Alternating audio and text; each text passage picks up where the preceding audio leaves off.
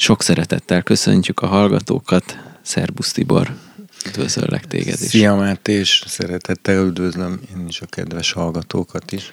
Folytatódik a jelenések könyvének a felolvasása, ezúttal a 12. fejezettel. És van egy, egy kérdésem, ami, amit sajnos akkor nem vettem észre, amikor beszélgettünk róla, és lehet, hogy talán nincs is rá válasz, ezért csak röviden szeretném megkérdezni, hogy ugye Zakariásnál olvasunk a, a két olajfáról és, a, és az egy menóráról, aminek két ága van, és viszont a jelenések könyvében, amikor ugyanerről olvasunk, akkor úgy azonosítja a két tanút a János, János féle szöveg, hogy ők, már mint a két tanúbizonyság, az a két olajfa és az a két menóra és, és itt, itt két menórát említ a jelenések könyve, de az akariásnál csak egy menóra szerepel, és ez nem tudom, hogy, hogy ez miért van így, vagy ez, ez rossz-e, hogy így van, vagy jó, hogy így van, vagy ennek van-e valami oka, vagy gondolkoztál-e már ezen? Én ezen már egy egészen picit egyszer valamikor régen, de csak nagyon picit gondolkoztam, de aztán semmi ö, további kutatást nem végeztem. Azt azért meg kéne nézni, hogy az akariás profétánál mert ott is elég furcsa a szöveg, hogy van két olajfa, amikből két cső vezet oda a menórához, e, tehát, hogy esetleg a csövekről van-e szó, meg hogy egyáltalán egész pontosan ott az akariásban, a Héberben mi van, aztán utána még meg lehet nézni, hogy hogyan fordítja ezt a Septuaginta, mert olyan is előfordul, amikor az új szövetségi szöve, írásértelmezés az a Septuaginta fordításnak az eltérő verzióját követi, és nem a Héber szöveget. Én ezeket nézném meg, de most nincs rá időm, de majd akkor te ezt el tudod végezni. Ez ezt a kutatást. Jó, jó. Köszönjük a módszertani javaslatot. Tehát akkor, akkor ugye ott tartottunk, hogy a két tanúbizonyság halála, feltámadása és mennybe menetele után a mennyei Sanhedrin hozott egy döntést, amely szerint Krisztus elkezdheti a föld, föld birtokba vételét, és ekkor miután a Sanhedrin elmondta ezt az imát, kitárult a, a mennyei szentek szentje, és, és láthatóvá vált a Fridláda, és ebből a, ebből a, a, a vadonatúj dologból hirtelen kibomlik egy kép, amit most akkor fölolvasok. Jó. Hogyha ez így kóser volt, amit mondtam, vagy nem Lényegében igen. Lényegében igen. Hát Jó. majd vagy hát mondhatok el, de nem, majd inkább olvast föl, és utána Jó. majd Jó. mondok előszót. Jó. És egy nagy jel tűnt föl az égen, egy, napba ölt, egy nő a napba öltözve lábai alatt a hold, a fején pedig tizenkét csillagból koszorú. Terhes, vajúdva kiáltozik, és szülési fájdalmak gyötrik. Egy másik jel is föltűnt az égen. Lásd, egy nagy tűzvörös tengeri kígyó hét fejjel és tíz szarval, fejein hét diadém. Farka pedig maga után sodorta az ég csillagainak egy harmadát, és ledobta azokat a földre. A tengeri kígyó odaállt a szülőnő elé, hogy felfalja a gyermekét, mikor világra hozza. Az pedig fiúgyermeket szült, aki vasvesszővel terel majd minden nemzetet, és gyermeke elragadtatott Istenhez és trónjához. A nő pedig a sivatagba menekült, ahol elkészített helye van Istentől, hogy ott táplálják 1260 napig. Az égben pedig háború tört ki, Mihály és angyalai harcot indítottak a tengeri kígyó ellen.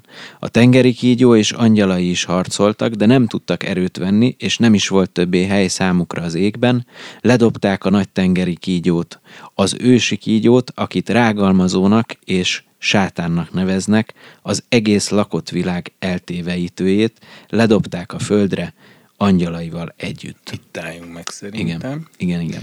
És akkor most menjünk végig azokon, amik, amiket itt láttunk. Jó. Itt ugye már érintetted azt, hogy, hogy Szolovjovnak van egy értelmezése a jelenések könyvére, ami szó szerint veszi ezt a történetet a napba öltözött asszonyról, illetve a, a Holdról és a, és a 12 csillagról, tehát talán akkor érdemes volna ezzel elkezdeni, hiszen ez szerepel itt először. Sőt, olyat is, hát most nyilván a YouTube-on minden van, de olyat is láttam már, hogy egy keresztény teológus különböző képekkel alátámasztva a, gyakorlatilag arról beszélt, hogy ez a kép most jelen pillanatban megvalósul éppen a csillagok között, tehát valóban a szűz csillagkép, nem tudom, hogy ez micsoda egyébként, fölötte pont tényleg koszorú, és tényleg a hold nem tudom milyen szögben. Ellenben itt mégis ahogy érzékeltem, te inkább úgy gondolod, hogy, hogy egy olyan fajta képes beszédről van szó, ami nagyrészt Izrael, Jézus és, és, és tulajdonképpen ennek az elmúlt, illetve eljövend, tehát ennek a 2000 éves periódusnak, illetve a korszakváltásnak egy, egy képes beszédben elmesélt története jelenik meg.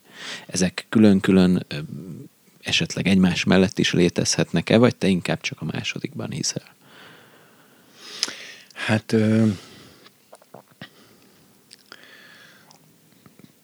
ha az alapoktól indulunk, akkor ugye ilyenkor az első kérdés az, hogy ezt szó szerint kell leérteni, vagy ez képes beszéde.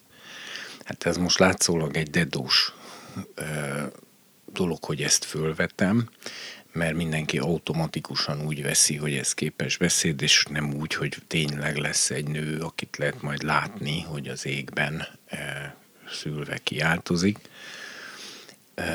De a Szolovjovot csak azért említettem, mert ha jól emlékszem, akkor az egyik munkájában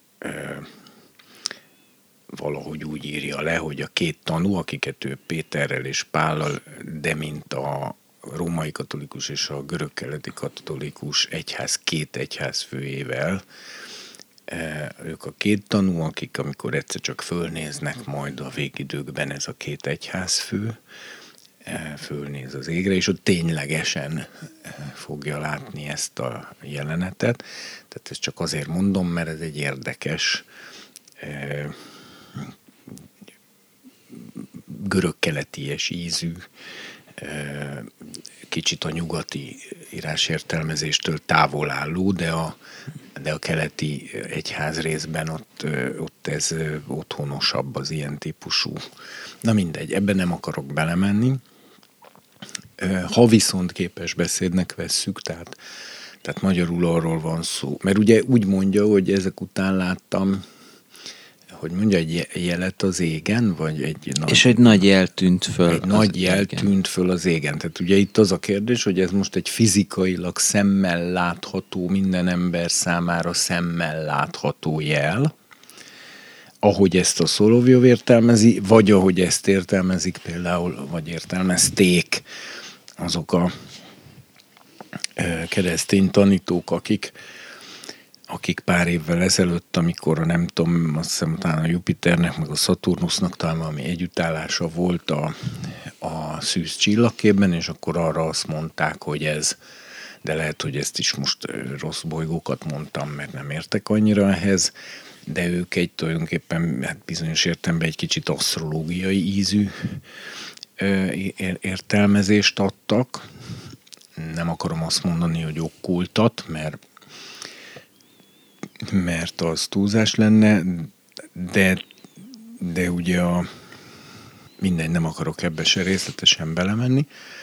De azért valamit mondhatnál erről, mert ez érdekes szerintem, hogy, hogy ha ténylegesen van egy látható dolog, ami, ami, ami gyakorlatilag azt mutatja meg, ami le van írva a jelenések könyvében, hogy ez majd látható lesz az égben, akkor az mennyire asztrológia, mennyire nem. Igen, csak ugye az, hogy egy nagy jel, mert ezt már Jézus mondja az eszkatológiai beszédében a e, Máté 24-ben, meg a többi helyen, ahol erről beszél, hogy és lesznek majd jelek az égben. De ő nem nagyon mond közelebbit arról, hogy miféle jelek.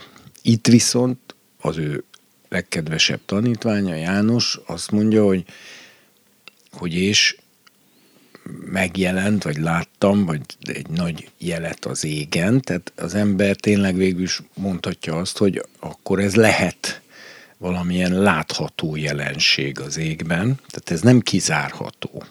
Na, így, így mondom akkor.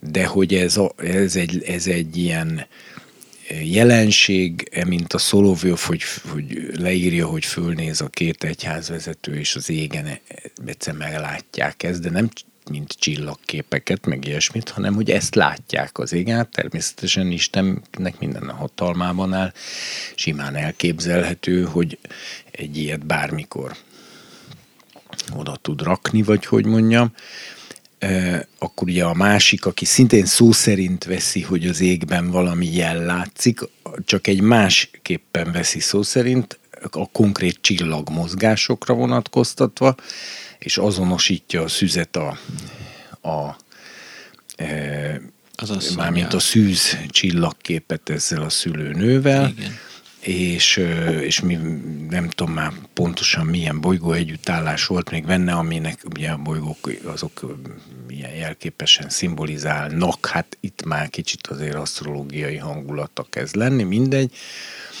de, ő, de ez is abból indul ki, hogy ténylegesen látszik egy jel az égen. Na most ennek is, tehát itt is el kell mondani, hogy például már amikor Isten a napot, a holdat és a csillagokat megteremti, az nap már a teremtésüket úgy indokolja meg, hogy legyenek világító testek az ég mennyezetében, ilyen sűjesztett fényforrásokról van szó, hiszen az ég mennyezete az nem egy lap, hanem az, egy, az az egész világűr tulajdonképpen, és abba beleszerelve különböző mélységbe vannak a világító testek, és ott már a teremtésüknél úgy mondja, hogy legyenek jelei az időknek, ünnepeknek,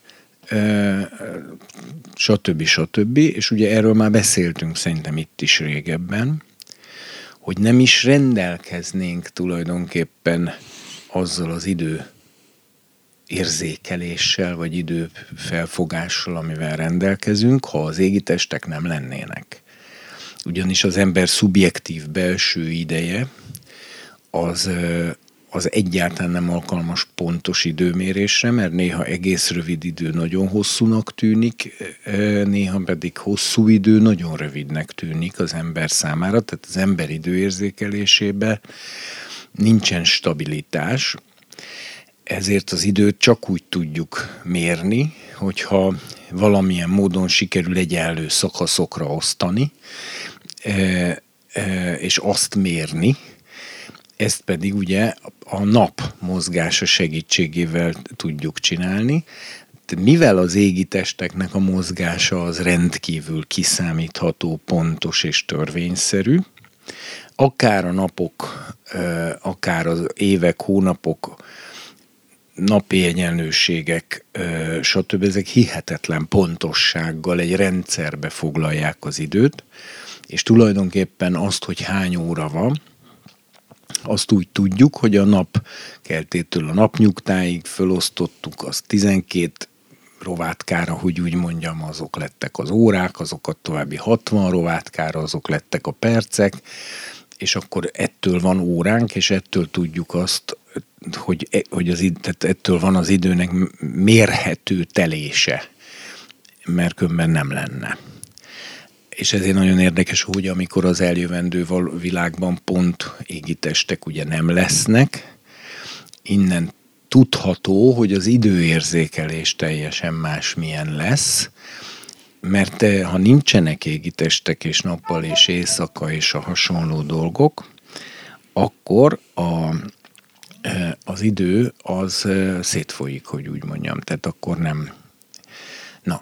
Most az egésznek az a lényege, hogy tehát az égitesteknek eleve van időjelölő funkciója, és bizonyos értelemben az univerzum órája az, a, az, az, égite, az az égitestek számlapjáról olvasható le, mondjuk így mondom, innen alulnézetből, és de hát ugye az égben mindenféle egyéb dolgok is röpködnek, tehát például aszteroidák, üstökösök, kisbolygók, az ugyanaz az aszteroid, meteorok, porfelhők, mindenféle Fekete lyukak. dolgok, és, és éppen ezért ugye ezek szintén mind számíthatnak úgymond égi jelnek.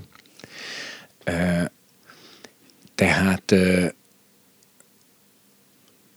beszél a jelenések is, meg a proféták is, meg Jézus is olyasmiről, hogy például csillagok lehullanak, illetve vagy csillagok hullanak le, tehát hogy nem mindegyik, de e, némely csillagok lehullanak. Konkrétan ugye a Földre csillagok esnek le a jelenések könyve tanúsága szerint, tehát ez a mai nyelvezetre átfordítva ez azt jelenti, hogy a Föld valamilyen olyan kozmikus aszteroida felhőbe sodródik, vagy ilyesmi, ami, ami miatt viszonylag rövid időn belül több nagy találatot is kap a világűrből. A nap elsötétedik, mint a szőrzsák, fekete lesz, a hold véré válik, nem feltétlenül, sőt valószínű, sőt minden valószínűség szerint nem napfogyatkozásról és nem holdfogyatkozásról van szó, hanem hanem hát a kozmosz is meg tud változni körülöttünk, az nem, az sem egy teljesen statikus valami, bármikor föltűnhetnek e, új dolgok, e, de szerintem ezekről is már beszéltünk Igen. korábban, valamint e, akkoriban talán meg is állapítottuk, hogy pont akkor volt egy olyan aszteroida, busz nagyságú, ami épp hogy csak elkerülte a Földet, és csak akkor vették észre, amikor már távozott, mert pont a nap felől érkezett. Tehát ezt csak arra mondom, hogy ezzel a veszéllyel teljesen tisztában van a NASA, mindenféle programok zajlanak annak kidolgozására, hogy egy ilyet hogy lehet elhárítani. Tehát kozmikusan sem abszolút biztonságos, tehát a világűr sem teljesen biztonságos, nem csak itt a Földön vannak ezzel kapcsolatban bajok. Itt viszont azért megint térjünk oda-vissza, hogy itt viszont egy nőt lát, napba, holdba, 12 csillagba öltözve, aztán egy nagy vörös színű tengeri kígyót, amelyiknek mennyi és ennyi feje van, meg mit tudom én micsoda, hogy hát azért ez nem annyira e, ilyen égitest dologra utal, Viszont az pedig egyértelmű, hogy az egésznek mindkép van jelentése.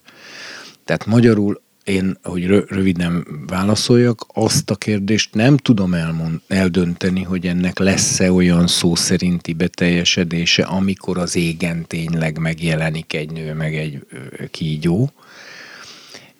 Erre, ezt nem tudom megmondani, de nem tudom kizárni sem viszont az, hogy ennek a képnek jelentése van, az viszont teljesen biztos, ezen a nyomvonalon érdemesebb haladni, független attól, hogy majd ez látszik-e vagy nem látszik, mert ugye a jelszó a Héberben is, görögben is, az jelenti az ilyen képes beszéd. Tehát például, amikor azt mondja, hogy a szombat az jel Izrael háza és én közöttem, azt mondja az úr, vagy hogy a körülmetélkedés az legyen jel eh, Ábrahám és az Úr körül, és az Ábrahám magva és az Úr között. A Peszifi bárány jel, te, a, legyen a ruháitok szélén kék rojt, az jel, hogy amikor látod azt, akkor jusson eszedbe az örökkévaló parancsainak a megtartása. Tehát a, a, már a túra is használja a jelszót, mint abban az értelemben, hogy az, egy, hogy az kép jelképez valamit, magyarban is a jelkép, ugye? Tehát a jel az ezt is jelenti, nem csak csodát, ez nagyon fontos. A szombat is egy jel.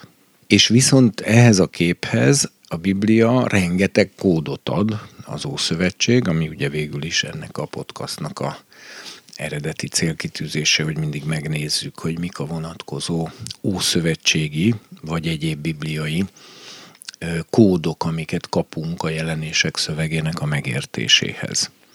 Na most, ha, ha képnek vesszük, tehát, és azon kezdünk gondol, de, de nem tagadva azt, hogy megvalósulhat és tényleg látszhat ilyesmi az égen, ha az Isten úgy akarja.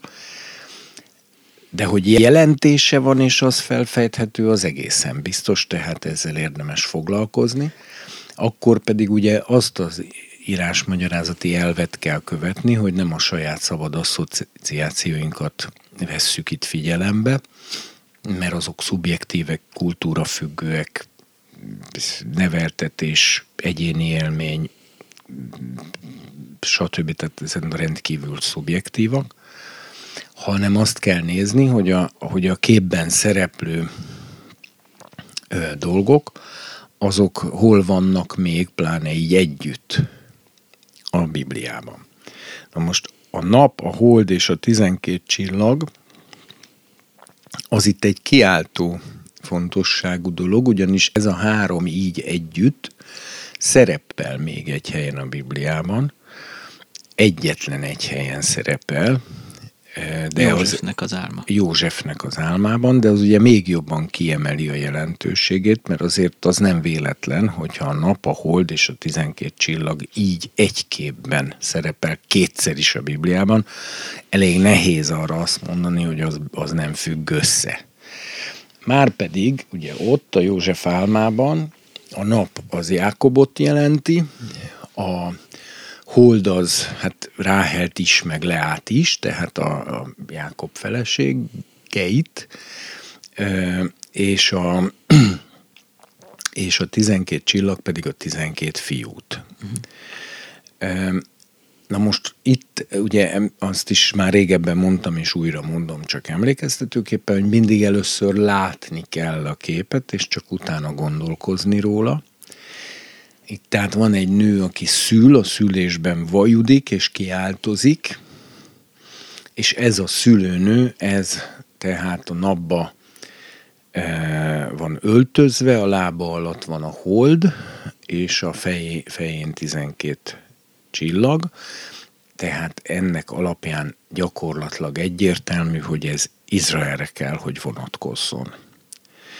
Ezen kívül a profétáknál nagyon sok olyan ige van, például Mikeásnál, hogy kiálts és gyötrődj Cionnak leánya, mint a gyermekszülő, mert Babilonig fogsz menekülni, és ott váltatol majd meg az ellenségednek a kezéből. Tehát, vagy Ézsajásnál, miért látom minden férfi kezét a derekán, mint hogyha szülnének? Ugye szintén Júdáról és Izraelről beszél. Sőt, hát ugye a Cion leánya az kifejezetten Jeruzsálemet jelenti, a Mikeásnál, tehát, de az is igaz, hogy természetesen egy tágabb értelemben a Cion leánya az ilyen értem az egész Izrael, mint kiválasztott népként is vehető, de ez legszűkebb értelemben Jeruzsálemre is, tehát itt most vagy Izrael, vagy Jeruzsálem az, aki szülési fájdalmakban van. De most azért nagyon fontos uh, itt azt megjegyezni, hogy a, je, a jelképes értelmezésben is eltérnek a koncepciók, mert teszem azt például a katolicizmus, a római katolikus egyház, de talán az ortodox is, ezt nem tudom, Szűzmáriára értelmezi a napba öltözött asszonyt, a születő gyermeket a messiásra, Jézusra értelmezi, és a sátánt, aki el akarja pusztítani, azt ugye szintén a szűzanya és a megszülető Jézus köré értelmezi, vagyis tulajdonképpen például a Heródesi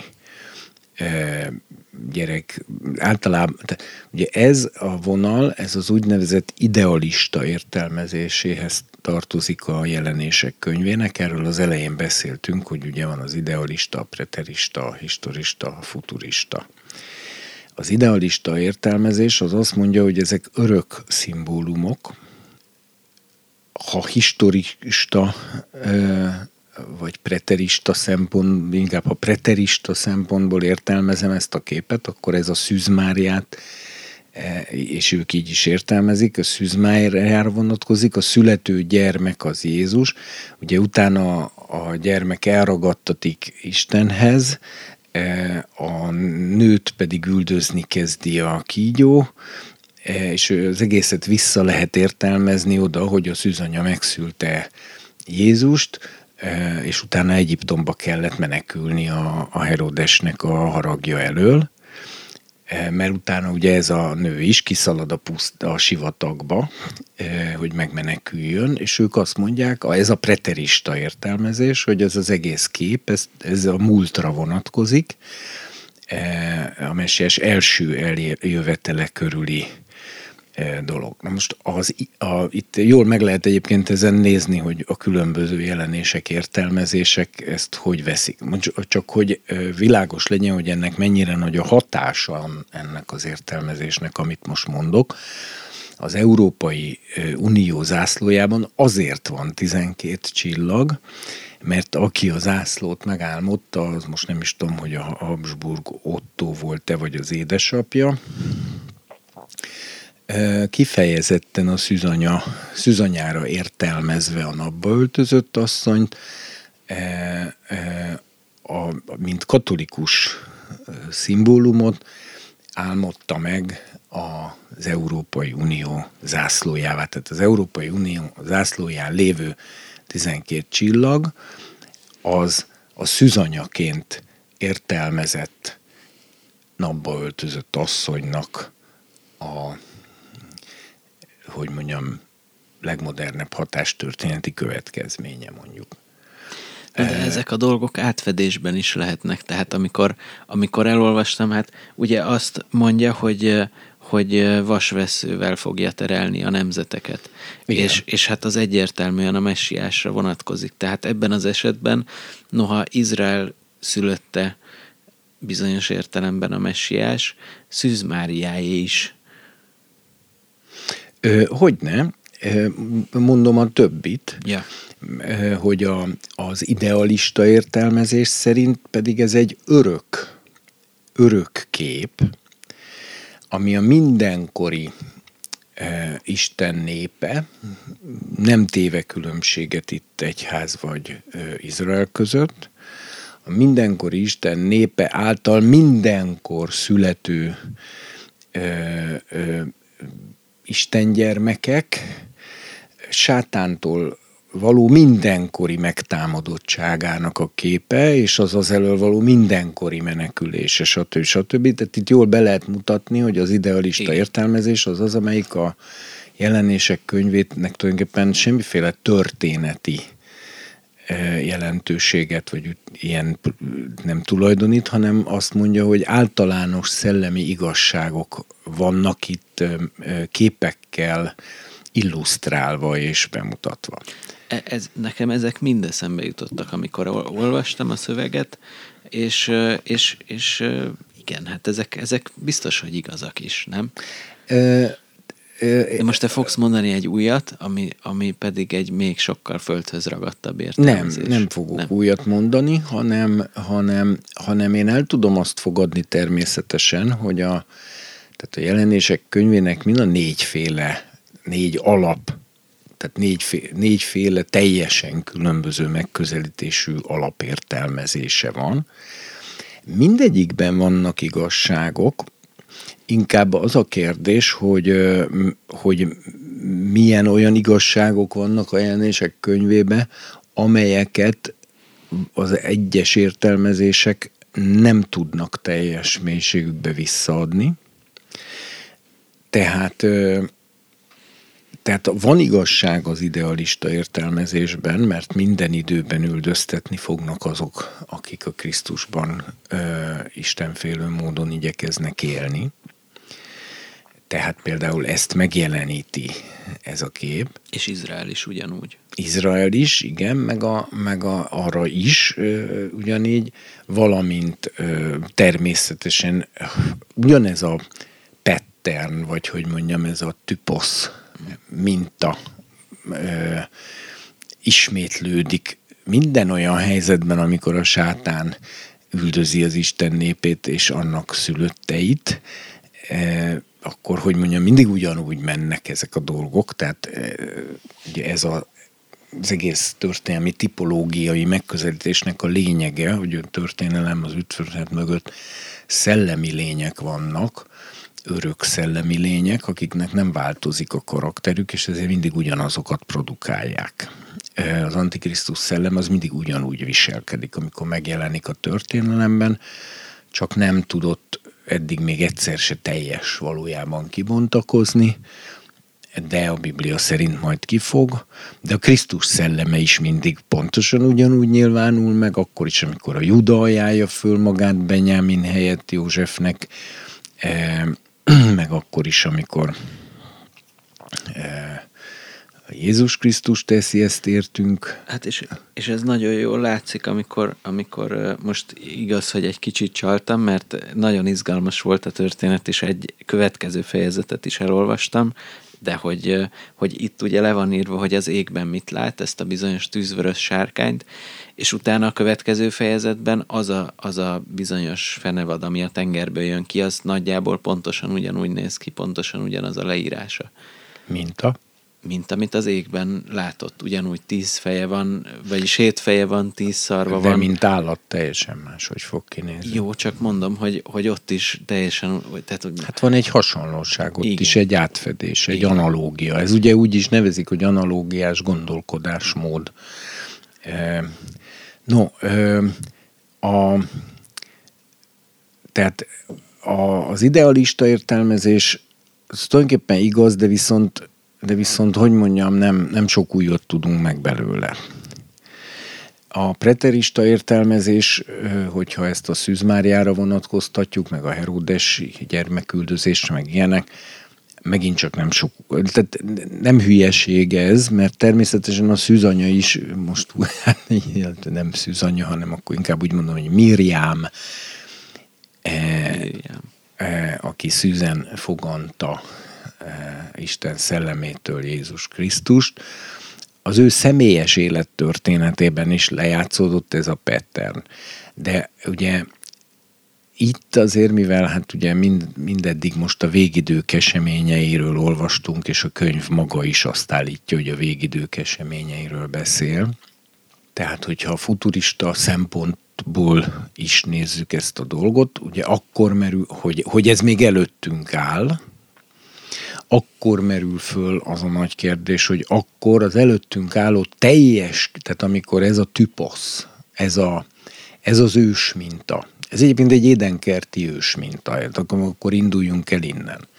Mert itt egy hatalmas híd van, a Biblia első könyvének első néhány fejezete, és a Biblia utolsó könyvének utolsó fejezeteik között egy hatalmas ívű átkötés van, hogy a Biblia utolsó könyve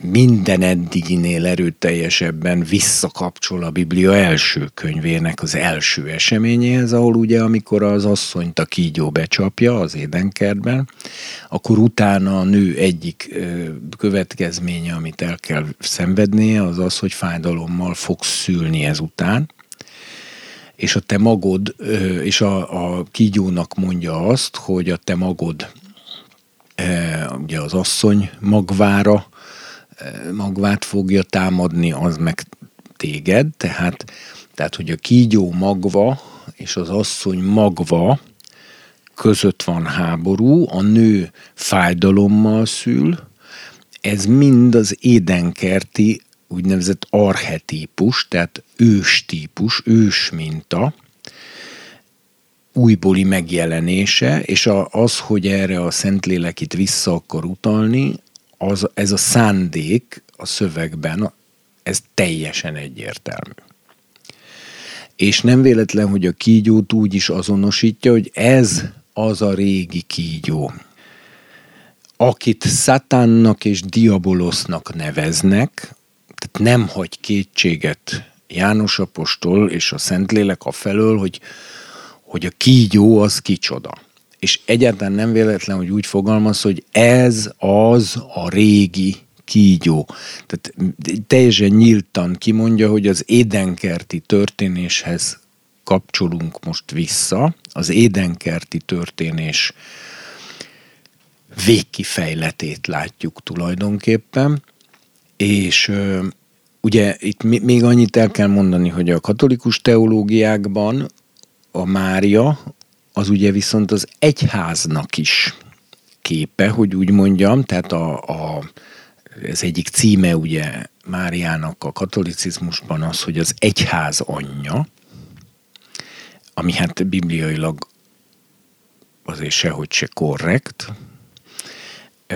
Tehát, tehát ugye itt vannak, akik úgy értelmezik, szintén a historikus idealista vonalon, hogy itt az egyháznak az üldözéseiről vannak, van szó. Tehát sem nem is Máriáról, nem is Izraelről, hanem az egyháznak és a sátánnak a konfliktusáról van szó. Ez is benne van bizonyos értelemben persze, csak ugye ahogy ezt Bence György professzor úr mondta, hogy minden mindennel összefügg, de nem minden ugyanannyira. Tehát, hogy a, hogy a, azért nem lényegtelen, egy, egy képes beszéd felfejtésének is több rétege van. És ezek nem mindegyike áll ugyanolyan közel a mag, maginformációhoz. Tehát uh, itt kicsit szikárnak és száraznak lenni jobb, mint nagyon szabadon engedni a költői és szubjektív képzelőerőt. És ezért egyértelmű, hogy a, hogy tehát a nő az a, a, a nő, mint kép, így a szülőnő, az visszamegy egészen az édenkertig. És ez egy archetyposz, egy őstípus, ősminta. E, viszont az, hogy napba van öltözve hold és 12 csillag, az mégiscsak teljesen egyértelműen a Jákob családjához köti, Jákobhoz és a 12 törzshöz. Ez egy bibliai utalás, egy bibliai kód, ezt, ezt nem lehet figyelmen kívül hagyni, és ezért a legszorosabb értelmezése ennek a nőnek az azért mégiscsak Izrael lehet. Na most természetesen, mivel Izrael viszont képe, az egy előképe az egyháznak is, tehát itt ugye, ilyen, ez, ugye ezeket úgy nevezik, hogy nem is tudom mi a hivatalos, de hogy vannak ilyen többszörös typoszok. Tehát egyszer volt a húsvéti bárány például Egyiptomban, aztán pont Peszach este a názáreti Jézus Krisztus önmagát, mint valóságos húsvéti bárányt össze is kötve a két dolgot a húsvéteste által ugye feláldozta a világért, de ezzel még nincs vége a húsvét beteljesedésének, mert a jelenések könyve középpontjában megint egy megölt bárány áll, és pont azok a csapások sújtják a földet, mint amik Egyiptomot sújtották a Mózes szolgálata alatt. Tehát például a Peszachi báránynak tripla beteljesedése van, nem csak dupla, tehát van, és vannak olyan proféciák, amiknek, erről is már esett szó, amiknek az sincs kizárva, hogy 20 is beteljesedhet, vagy például most mondok egy olyat, hogy, hogy a, dicsérjétek az urat, minti pogányok az ő népével együtt, ez minden héten kétszer beteljesedik csak a híd gyülekezetébe, de hogyha például globálisan nézem, hogy valahol valaki biztos mindig dicséri az urat, akkor meg szinte azt lehet mondani, hogy 2000 éve egyfolytába teljesedésben van ez a profécia. Tehát mégis ha az egyházra vonatkoztatjuk, az még egyel távolabb lép a maginformációtól, mert az először Izraelre vonatkozik, de mivel Izrael az egyháznak is tüposza, tehát akkor az egyházra is vonatkozik, de végső soron minden hívő egyéni életére is vonatkoztatható adott esetben, aki például a sátán részéről zaklatásban vagy üldözésben részesül. Viszont mivel ez egy profétai, apokaliptikus könyv, ami a végidők eseményeit írja le, próbálni kell szikárnak, száraznak maradni, és a maginformációkhoz próbálni kell úgymond a legközelebb maradni, a legkevésbé szubjektívnek lenni. Tehát inkább engedni, hogy amit a szöveg egyértelműen kódol, azokra figyelni, akkor pedig ez Izrael. Akkor ezt alátámasztja az a rengeteg profécia, akik rengeteg proféta beszél úgy Izrael végső nyomorúságáról, mint szülésről. Maga Jézus azt mondja, hogy a szülési, hogy amikor látjátok a járványokat, a háborúkat, a földrengéseket, az éhínségeket, ne rémüljetek meg, mert ez még nem a vég, hanem a szülési fájdalmak kezdete. Tehát ugye erre is visszautal a János, amikor azt mondja, hogy most viszont a nő ö, szüléshez jutott már, Ézsajásnál ott van, jaj, urunk, szülésig jutottak a fiak, de nincs erő a szüléshez. Ugye ez egy borzasztó nagy baj, hogyha elindul a szülés, és nem folyik le, hanem elakad. Na most ugye, tehát én ezért azt mondom, hogy ö, az idealista értelemben ezt minden igaz hívő, akit üldözés ér, Eh, az igazság miatt, az bizonyos értelemben részesedik ebben a képben, de, eh, de maginformáció szempontjából itt most azért mégiscsak Izraelről van szó. Na most az is egy örök dolog, hogy a messiást Izrael szüli, azzal viszont vitatkoznék, hogy az a gyerek, aki itt születik, az, az maga a messiás lenne. Ugyanis azt, hogy vasvesszővel legeltet minden népet, ez egy messiási profécia a második Zsoltárban, de viszont pont a jelenések könyvének az elején Jézus az egyik győztes a hét gyülekezet között az egyiknél azt mondja, hogy és aki győz, megadom annak, hogy uralkodjon a pogányokon velem együtt, és megadom annak, ahogy én is kaptam az atyámtól, hogy vasveszővel legeltesse és összetörje őket. Tehát én inkább úgy mondanám, hogy itt egy messiási nemzedéknek a megszületéséről van szó, Izraelben. Mert ezt a nő... Hát mégiscsak mondasz új dolgot, igen a nő szül egy, szül egy, egy, megszüli tulajdonképpen azt az utolsó zsidó nemzedéket, amelyik ö, ö, ö, be fog lépni a messiással együtt az uralomba. Na most itt ezt azért is fontos, mert ez elragadtatik ö, Isten elé, hogy nehogy a kígyó megegye, ami megint nagyon érdekes kérdéseket vet föl, mert mi van akkor, ha ez az elragadtatás, vagy ez is az egyik elragadtatás, mert ugye már beszéltünk arról, hogy az elragadtatás körül is ugye van a nyomorúság előtti verzió, közbeni verzió és a végén való verzió, meg ezeknek a kömző kombinált teológiái. De a, de a lényegesebben az, hogy én előre mondtam, hogy amikor olyan igehely van, amit az elragadtatásra is lehet értelmezni, akkor szólni fogok. Ugye volt egy ilyen a legelején, a, rögtön a laudíciai gyülekezet, ami a hetedik és utolsó eklészia, utána azt mondja, hogy ezek után megint azt a trombitához hasonló hangot hallottam, amelyiket előtte is, eh, vagy amiket először, és azt mondta nekem, jöjj fel ide, és én azonnal, hát úgy van a görögben, hogy szellemben lettem, nincs ott, hogy elragadtam a szellem által, hanem csak annyi, hogy azonnal szellemben lettem, és íme egy trón volt a mennyben, és a trónon ült valaki, tehát a, a mondat vége az már, az már fönn van.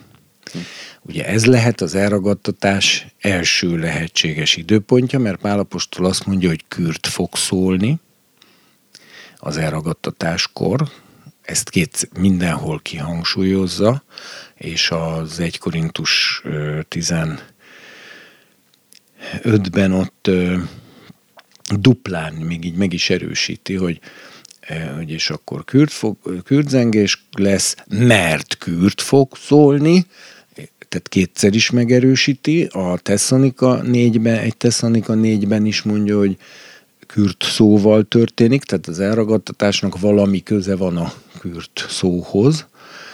Aztán a, igen, a, akkor találtunk egy olyat ugye később, amikor amikor az a bizonyos nagyon nagy sokaság, amit senki meg nem számlálhatott minden népből, nyelvből, nemzetből, fehérruhákban, pálmaágakkal hozsannáznak a, És azt a, mondtad, a trón hogy előtt. Ők, ők az egyház.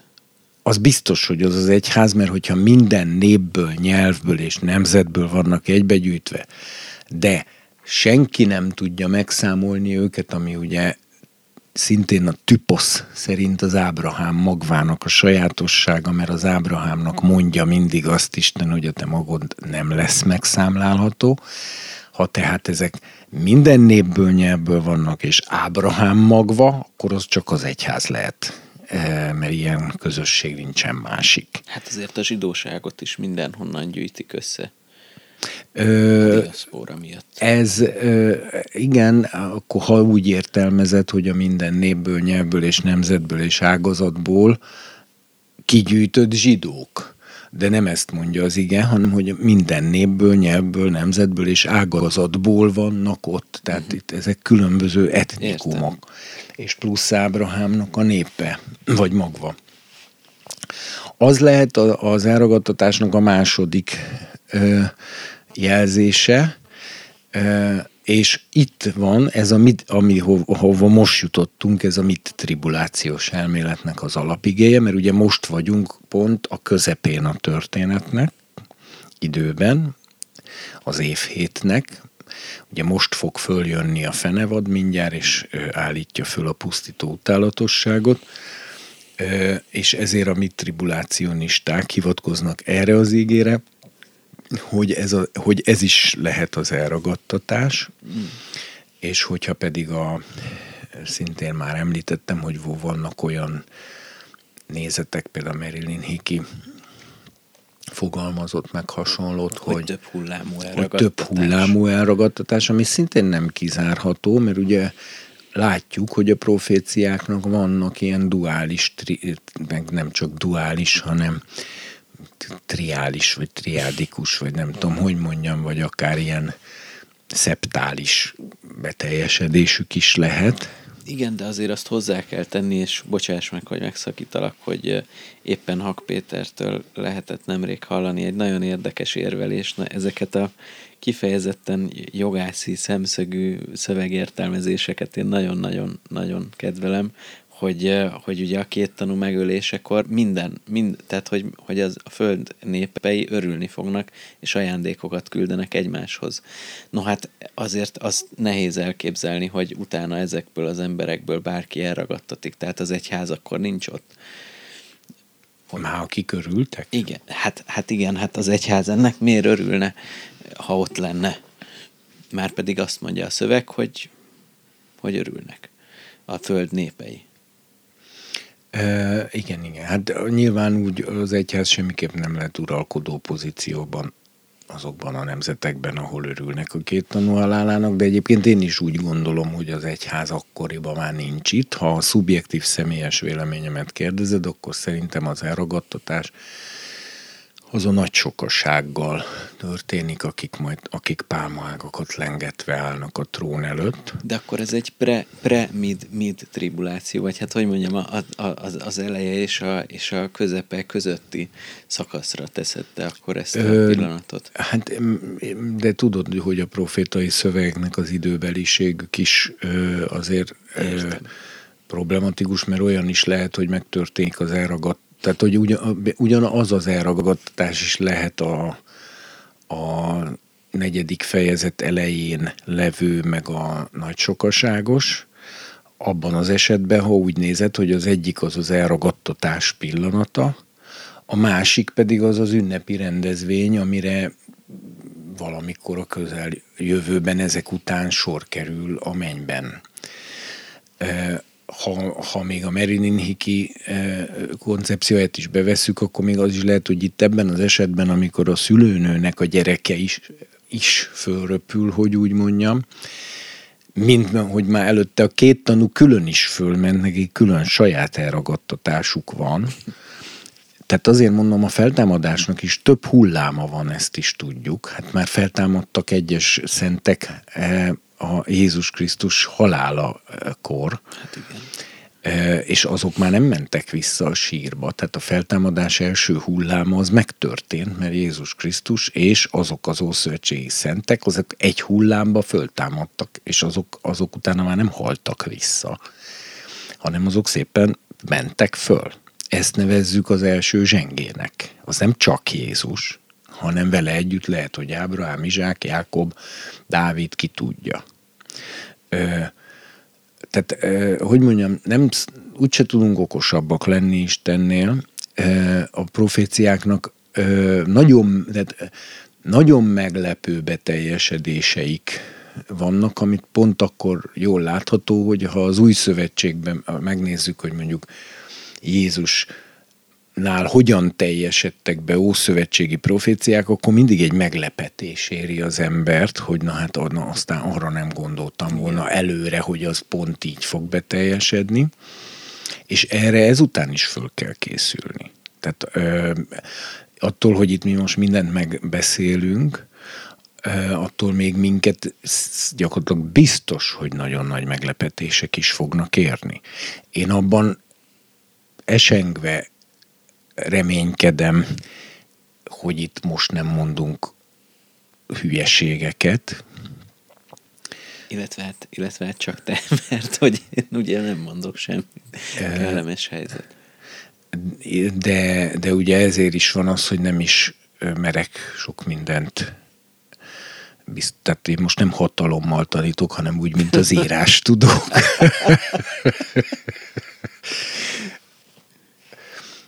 Van, amiről tudok hatalommal tanítani, amire, hogy mondjam, azt a löketet kapom, vagy azt az instrukciót, de, a, de itt most inkább csak közös gondolkodás zajlik, ami szent dolog, mert a jogunk van a saját apánk kincses kamráiban a drága kövek között turkálni és fejünket belefúrni a Rubin halomba, de tulajdonképpen ez bizonyos értelemben egy ilyen részszint élvezeti, részszint pedig tanulási folyamat, nem pedig valami ugye megpróbáljuk kizárni azt, ami már kizárható a helyes megoldások közül, mert az viszont fontos a, a saját orientáció miatt.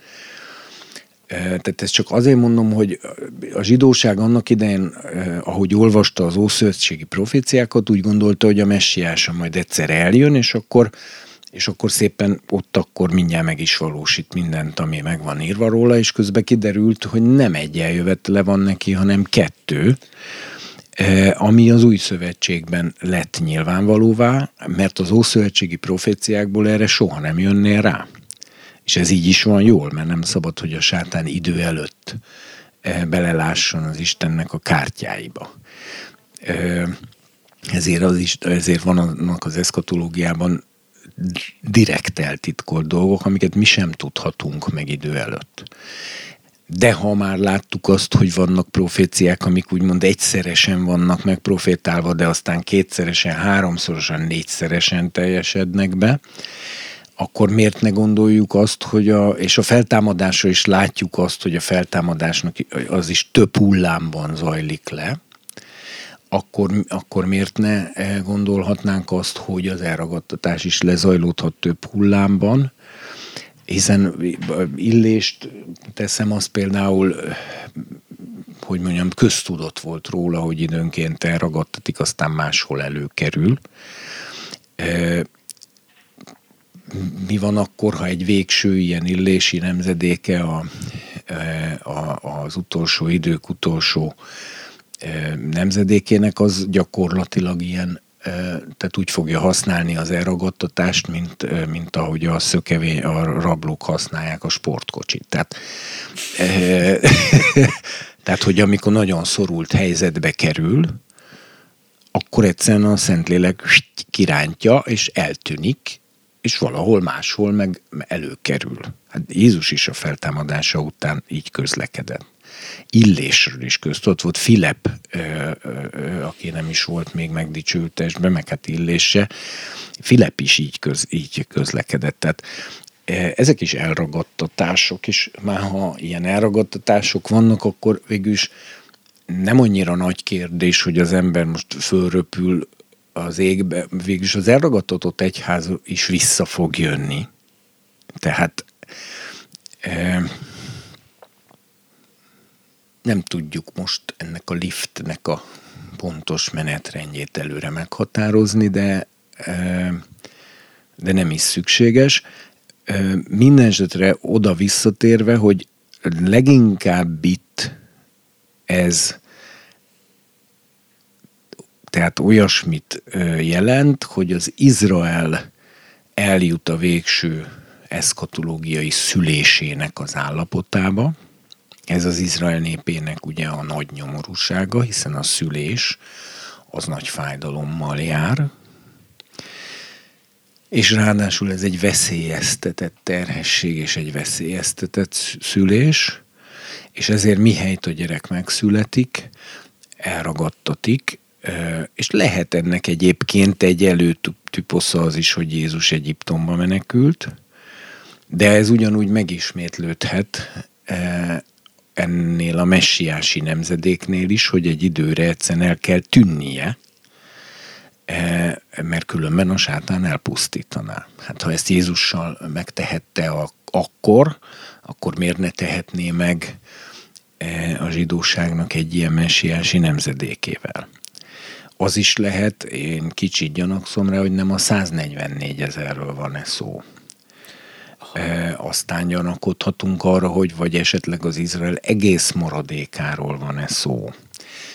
De ne, de ne, de és egyébként még az is belefér, de ahhoz már kicsit azért helyettesítési teológia, vagy pedig egy kicsit a, hogy mondjam, a, tehát össze kell folyatni az Izraelt az egyházzal, és akkor akár keresztényekre is vonatkozhat, hogy egy olyan na mindegy, én ebbe nem is mennék bele jobban. Világos. Viszont ugye, ami itt nagyon fontos, hogy a kígyó, Ja, itt még annyit kicsit mondjunk, mert ez is nagyon érdekes, hogy miért mondom én mindig kígyónak, holott a Károli ugye sárkánynak fordítja. Ugye mind a kettő igaz, mert a görögben a drakón szó szerepel, ami e, a kígyónak csak egy speciális fajtája, de azt nagyon fontos tudni, hogy a Septuaginta azt a kígyót is drakónnak mondja, aki az édenkertben megkísértette Évát, az drakón volt, nem pedig csak egyszerű kígyó. E, aztán utána az, a, amivé változott Mózes botja, az drakón, az nem ki, e, kígyóvá változott. Tehát a Septuaginta fordításokból lehet megtudni, hogy a drakón az, az nem sárkány, hanem a drakón az, az, az hát aki látta már a Laokón szoborcsoportról készült nagyon híres szobrot. Az is egy dra- drakón? A drakón az a tengeri kígyó. Mm. E, ilyen tengeri óriás kígyó. Az a drakón. Ugye a, erről a kígyóról, amit itt teljesen beazonosít, hogy ez az, és ott, amikor azt mondja, hogy ez az az ősi kígyó, ott viszont nem a drákont használja, hanem ott kígyónak mondja. Tehát ezzel is maga a szöveg is azonosítja, hogy ez egy kígyóféle. E, a Laokon történetben is a drakón ö, öli meg őket, és ugye ezt erről beszél a Biblia is, hogy e, az Úr majd meglátogatja nagy és erős kardjával a kígyót, amely a tengerben lakik, a leviatánt, a futókígyót, és a tekergő kígyót, ezek mind külön kígyó fajták, a futókígyó az egy konkrét kígyó fajta, e, ez az, amelyik biztos láttad a sivatagban, hogy úgy görbül es salakba, hogy az esnek a két hajlási pontjával így fut. Láttál már olyat, hogy a kígyó így fut a, a, a saját testének a két pontját így lábként az a futó kígyó. Ez egy speciális kígyó fajta. De és az nem, az nem egy negatív karakter, tehát ez nem, az nem a sátára vonatkozik akkor. Tehát nem minden kígyó sátán, viszont Hát de, de ugyanebben a typosz láncolatba illeszkedik az is például, hogy a keresztelő János is, meg Jézus is úgy szólítja a farizeusokat, meg a szaduceusokat, hogy viperák kivadékai. Ez nem egy szitok szó, ezt is mondtam már régebben, ez egy történeti megállapítás. Ez azt jelenti, hogy a mérges kígyónak az ivadéka, és később Jézus, amikor a, ugye szeretném kihangsúlyozni, nem a zsidóságot nevezik így, hanem a farizeusokat és a szadduceusokat nevezik így. Ugye ez azért fontos, mert amikor később Jézus a júdeaiakkal vitatkozik, kifejezetten júdeaiakkal, és akkor azokkal egy perpatvar során mondja nekik, hogy hogy de hát e, ha az Isten volna az apátok, mert azt mondják neki, hogy hát egy atyánk van az Isten. És akkor erre Jézus azt mondja, hogy az Isten volna az atyátok, akkor nem akarnátok engem megölni. Akkor mondják, hogy Ábrahám a mi atyánk. Akkor mondja, hogy hát ha Ábrahám volna az apátok, akkor, akkor se akarnátok engem megölni, mert Ábrahám ilyet nem tett. E, és akkor ugye mérgesedik ott a vita, ez a János evangéliumban van, és akkor egyszer csak azt mondja, hogy ti az ördög atyától valók vagytok, tehát a, a, a vádló atyától, a vádló apától, aki hazug volt, e, és embergyilkos volt kezdettől fogva, és minden hazugságnak ő az atya. E, tehát magyarul van ö, sátántól való származás, szellemi származás a sátántól. Tehát ö, ugyanúgy újjá lehet születni bizonyos értelemben a sátántól, mint az Istentől, és ennek az a, az a jellemzője, hogy a szatán, azaz a vádlás, tehát a szatán, mert így mondja itt a jelenésekben, hogy ez az az ősi régi kígyó, akit szatánnak neveznek és diabolosznak. Ugye, hogy véletlenül se legyen félreértés, héberül is megadja a nevét, és görögül is megadja a nevét. Erről már rengeteget beszéltünk, a szatán az vádlót jelent alapvetően, felperes, feljelentő, mindenképpen peres ellenfél, ez lényeges dolog, tehát nem a, a, a harci ellenfél, hanem, a, hanem aki, aki perrel harcol, tehát a, a peres ellenfél, és a, abban, mint felperes, feljelentő, vádló ügyész, a diabolosz, az pedig, mint szintén taglaltuk már, ugye a, a görög köznyelven a rágalmazót jelenti, mert a rágalmazó az, aki diabáló ketté dobja, szétszakítja, elszakítja egymástól az embereket. Ezzel kimondja János ennek a drakónnak a lényegét, ennek a úgymond sárkánynak, tehát aki egy ilyen tengeri kígyó, a lényegét, és és aztán ennek vannak ivadékai, na így mondom, hogy a futókígyó, meg a tekergőkígyó, meg a nem tudom, hát nem szabad Minden. meglepődni, hogyha a sátán királyságában más kígyófajtákkal is találkozunk. De azok mind a nagy tengeri kígyónak az ivadékai? Hát most ne vegyél mindent ilyen matematikailag, mert ugye ez... Ö... Nem, én még ott akartam. Hát a vipera ivadékokban ez egyértelműen benne van, tehát a, Ugye ezért mondtam ezt az egész dolgot, mert amikor a János vagy a Jézus a vipera ivadék szót használja, akkor nem szitkozódik, nem ö, becsmérléseket követel, vagy átkozódik, vagy káromkodik, tehát nem azért nem mondják, hanem ez egy, ez egy profétai lényeglátásból fakadó tömör kifejezése annak, hogy az édenkertben az Isten és az ember viszonyában rágolmazás által 6000 éves hasadást létrehozó kígyónak a szaporulata. És amikor a, ott is azt mondja a kígyónak, hogy a te magod az asszony magva ellen támad, az pedig neked fejedre tapos, tehát ott is a kígyó magva és az asszony magva között van a háború, már az édenkertben is, és egyébként a szó szerint a Héberben tudod, hogy úgy van, hogy a, hogy a, te, a sarkát marod, ő meg a fejedre tapos, de ugye kifejezésszerűen, idiomatikusan, ez azt is jelenti a Héberben, hogy te hátulról támadod, ő pedig szemből támad téged. És ez is rendkívül jól kifejezi a, a sátánnak és a mindenkori ellenségének, tehát akár Izraelnek, akár egyháznak, akár milyen igaz embernek, hogy a sátán mindig hátulról támad, az mindig sarokra hátulról támad, A, a, ugye a, a, az asszony magva pedig, az pedig az vállalja szemtől szembe a, a konfrontációt a sátánnal, és így aztán végül is e, ugye a messiás is a fejére tudott lépni, de úgy lépett a fejére azért, hogy ő abba közbe belehalt, csak aztán föltámadt. Tehát nem, nem gyenge ellenfélről beszélünk. Ez az egész kép, tehát ez mind visszajön itt.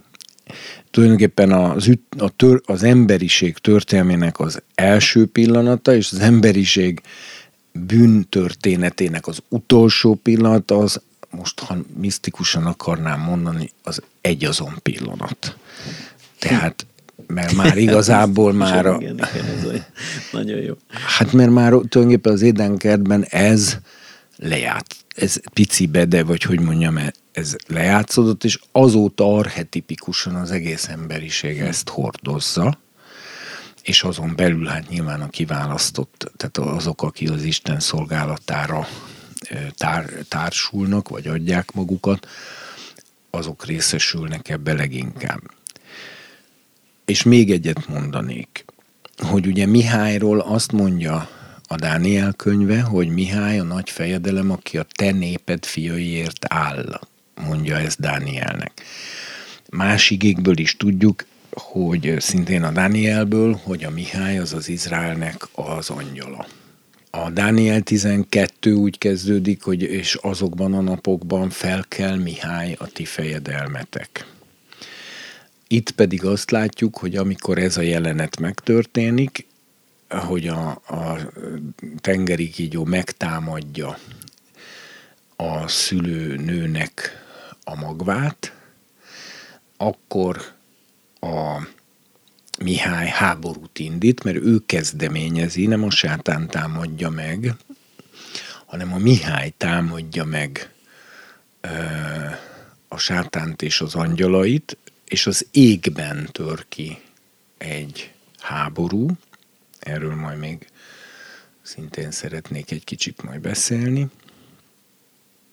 Angyal háború tör ki az égben, mert és, és ez megint mutatja, hogy most pontosan ott vagyunk, ahol a Dániel 12 is van, 12.1, hogy fölkelt Mihály, és ez pedig alátámasztja, hogy igenis Izrael szüléséről van itt szó, és, és a gyerek az az Izraelből született gyerek, mert különben nem Mihály állna föl. Tehát ha csak nem állunk át teljesen egy ilyen helyettesítési, teológusi és allegorista alapra, de én azt nem szeretnék, mert én azzal nem értek egyet. De ebben most nem menjünk nyilván bele, mert most tízezer igével kéne megint egy másik területen. Én, én nem ragaszkodom hozzá, tehát egyelőre ez nagyon izgalmas, amit mondasz, sokkal, sokkal érdekesebb, mint amit én beleláttam volna ebbe a szövegbe, úgyhogy... A, a Mihályos, a háborút olvassuk tovább, mert ott, ott még ugye folytatódik, mert aztán a nő menekülni fog, de ugye közben meg nagyon komoly kataklizma. Na jó, de még azért a kígyóra visszatér. Most azt hagyjuk, hogy csak nagyon bennem maradt ez, ez amit mondtál, hogy hogy a Mózes botja is drákon, drákonná változik, hogy mégis ez vajon mit jelenthet, vagy ez hogyan lehetséges. Lehet, hogy egyszerűen arról van szó, hogy bizonyos méretűnél nagyobb kígyó, tehát ami mondjuk az óriás kígyó, azt ö, nemes egyszerűséggel drákónnak mondták, hogy megkülönböztessék a, a, a, a, a kisebbektől. Uh, jó, de hogy, hogy ugye itt leírja ennek a bizonyos kígyónak a, a kinézetét, tehát hogy arról esetleg mondanál valamit, mert, mert... Csak akkor olvast föl újra. Jó. Sok mert mindent lehet mondani. Számomra az se teljesen egyértelmű, hogy ugye azt mondja, hogy egy másik jel is föltűnt az égen, egy nagy tűzvörös tengeri kígyó. Itt van a drákon. Igen. És kifejezetten tűzvöröst mond a görög. Igen, mert itt benne van a tűz szó is ebben a pyros megász, vagy megász pyros. A megász az a, az a, nagy. a nagy kígyó. Két fejjel és tíz szarval, fejein hét ö, diadém. És Igen. ugye van egy farka is, ami maga után sodorja, de most Igen. itt nekem az se egyértelmű, hogy feje, tehát mind a hét fején van tíz szarv, vagy pedig valahol van tíz szarv, még a fejei mögött, vagy nem tudom, láttam ilyen ábrázolást még korábban, de végül is itt, itt egyszerűen és van, nem tudom, hogy te, te nálam biztos, hogy jobban tudsz görögül, tehát lehet, hogy, lehet, hogy neked ebből egyértelmű, hogy hogy néz ki ez a lény. Egyértelműnek talán nem egyértelmű, de az elég valószínűleg tűnik, hogy a hét fejen van valahogy elszórva a tíz szarv. Uh-huh de ehhez nem ragaszkodom. Inkább én maradnék a, a bibliai asszociációknál, hogy az a bizonyos vadállat, amely a tengerből jön föl a Dániel könyvének a hetedik fejezetében negyedik vadállatként, és azt mondja a Dániel, hogy semmihez nem volt hasonlítható, és iszonyú volt, és tíz szarva volt, a, annak van még tíz szarvat, tehát ez lényeges és lényeges lesz. A fejeiről egy nagyon érdekes dolgot, mert én ennek egyszer régen ám utána néztem böcsülettel, hogy a Liviátánról mondja azt a, az egyik Zsoltár, és tényleg úgy van, hogy te, aki a Liviátán fejeit többes száma fejeit eledelül adtad a puszta lakóknak, ahol pedig nem kizárt, hogy a démonokról van szó, a sédimről, de arra már nem pont emlékszem, de, a, de azt tudom, hogy a, elég egységesen a rabbinikus és a keresztény hagyomány is úgy értelmezi, hogy ott a puszta lakók azok démonok, és a leviatán fejeit így fogalmaz a, ott az ige, tehát ezek szerint E, már az ókorban volt olyasmi e, látás, tudás, vagy valami, hogy a leviatán az többfejű is lehet. E, ebbe se akarnék mélyebben belemenni, mert hogy ugye ilyen lények előfordulnak a különböző nemzeti, így például a görög mitológiában is.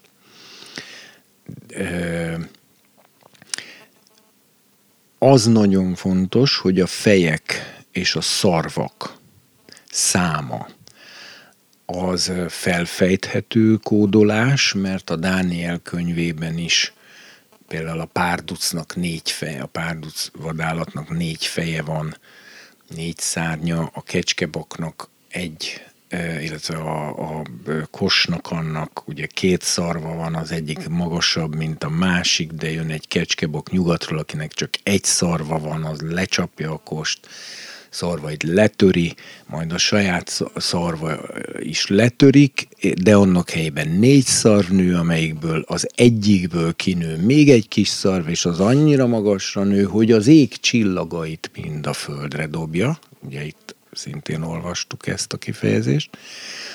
Úgyhogy, de a Zsoltárokban is ott van például Dávid, hogy növezd magasra, magasra az én szarvamat, mint az egy szarvújét, hogy tudnélik a szarv, ez teljesen egyértelmű a Bibliából, az a királyi hatalomnak a jelképe. A fej az, az kicsit nagyobb, hogy mondjam, közigazgatási egységnek a jelképe, tehát, vagy, hogy mondjam, más típusú közigazgat. Például a nagysándori birodalmat azt egy négyfejű párduccal szimbolizálja, ami konkrétan az, az is volt, hogy a Nagy Sándornak ugye négy hadvezére volt, és amikor a Nagy Sándor meghalt, akkor emiatt a birodalma emiatt oszlott négy utódbirodalomra, tehát a párduc, hogy mondjam, négy fejbe végződött végül.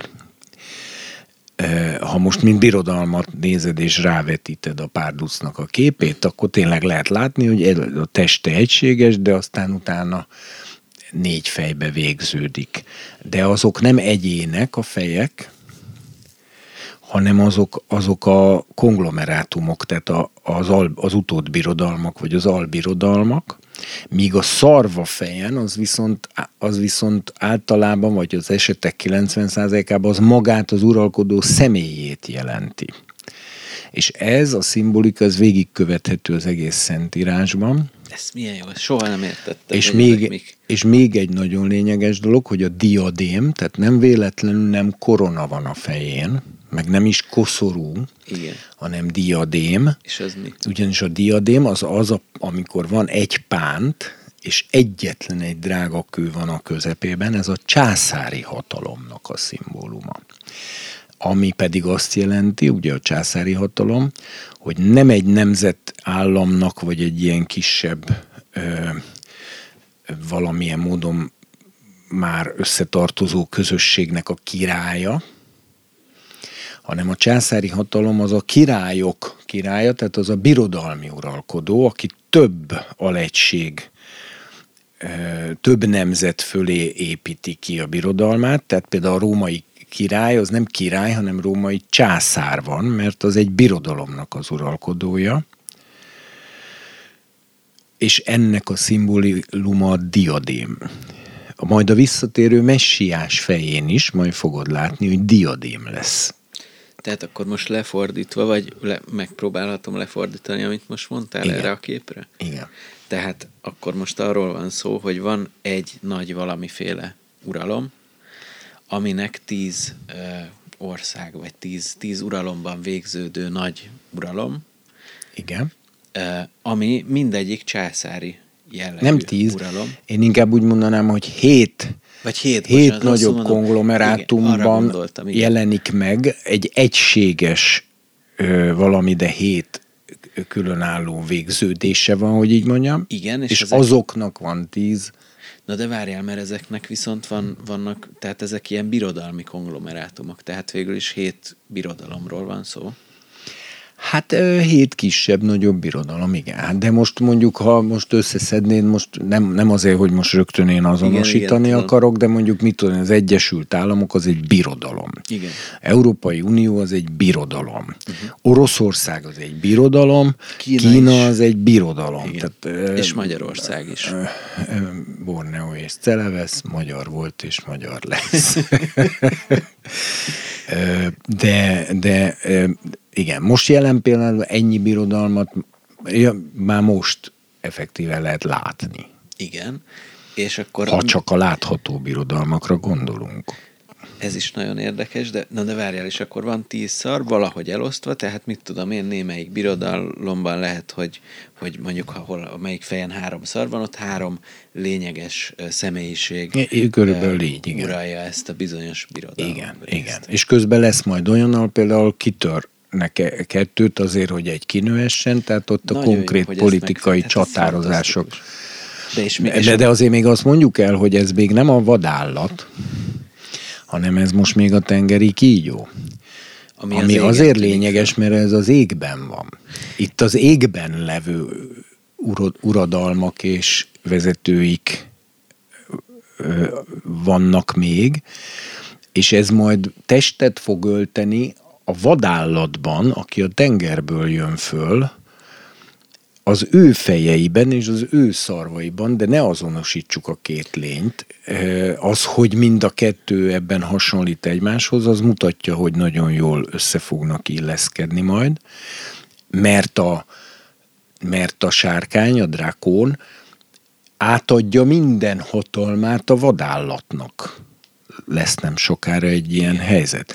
Nem meglepő tehát, hogy a vadállat ugyanezt a struktúrát veszi föl, úgymond, de a, a maga a földi entitás, tehát, amik a, tehát én a, a kígyónak a fejeit és szarvait nem földi e, aluralmakkal, illetve e, uralkodókkal azonosítanám, hanem ez egy, ez egy égből alá eső lény. E, a tengerből viszont föl fog jönni a vadállat, akinek szintén ö, ugyanennyi feje, szarva, stb. lesz, akinek a kígyó majd minden hatalmát átadja, és ott kezdődik a politikai vonatkozása a történetnek. Na jó, de hogyha ez az égben egy létező dolog ö, valamiképpen, az is egy nagy kérdés előttem, hogy ö, mennyiben más típusú valósághoz tartozó dolog, mint mondjuk Mihály. Mert ugye más típusú, mert ugye az, az ég csillagairól beszél, azonosítja az angyalokat, de már a szöveg után a Mihályról beszél, akkor ha ugyanabban a kontextusban maradnánk, akkor csillagként emlegetni őt is, de Mihály nevű személyként emlegeti. Tehát ez, ez is egy érdekes dolog számomra, nem, nem hát biztos, mert hogy itt ez ugye könnyű. az történik, hogy látsz egy profétai képet, ez ugye, amit úgy mond a Biblia, hogy tükör által homályosan, mivel hogy nem tudod színről színre látni a természet fölöttit, ezért a természet fölöttit mindig képekben láttatja a Biblia, mert hát a láthatatlant nem tudja más, hogy láttatni nekünk embereknek. Ez a mi ugye töredékes voltunk miatt van, és erre mondja Pál, hogy amikor a Szentlek ajándékai által belelátunk ilyen vizuális, látomásos módon a szellemvilágban, az mindig tükör által homályosan látás, másál, ugye ez is utal vissza Ószövetségi igényekre, és megfejtést igényel. Na most ugye a megfejtések, a kép és a megfejtés, az, az már Danielnél is például össze-vissza keveredik, tehát látja a vadállatokat, és akkor megkérdezi ott az egyik angyalt, hogy ezek micsodák, mire az angyal mondja neki, hogy ez négy birodalom, amely majd támad a földön. Tehát ide-oda ingázik a, a, a, a kép, és a, a, a, lefordítási kísérlete, vagy a, a megmagyarázása között. Úgyhogy tehát, tehát itt, itt is azért közben közli, hogy, ez, hogy, hogy ez, ez egy angyal, meg hogy az angyali világban zajlanak ezek a mozgások. Ahhoz még majd lesz egy pár szavam. Nagyon kíváncsi. Tehát akkor itt végül is arról van szó, hogy, hogy elmond egy képet, hogy a János értse, hogy miről szól ez az egész dolog, hogy mi, milyen jellegű folyamatok húzódnak a háttérben, ami végül is elvezet oda, hogy a valós politikai hatalomban megtestesül mindez, amiről eddig az örökkévaló beszélt. E, tulajdonképpen igen, csak oda még most mi nem értünk még oda. Még nem értünk. Most oda, ott igen. tartunk még, hogy a természet fölötti szinten kezdődik el egy óriási nagy kulimász, tehát egy óriási nagy, eddig nem volt mértékű konfliktus, és majd kiderül, hogy ez a földre hogyan hat le. De most egyelőre ott tartunk, hogy Mihálynak elege lett abból.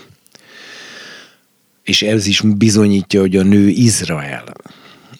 Mert Mihálynak elfogyott a cérnája abból, hogy a tengeri kígyó a végre szüléshez jutó Izraelt, aki végre megszüli a, a, az, igaz, az igaz maradékát, hogy így mondjam, és hogy a sátán már most ott van azért, hogy ezt lenyelje.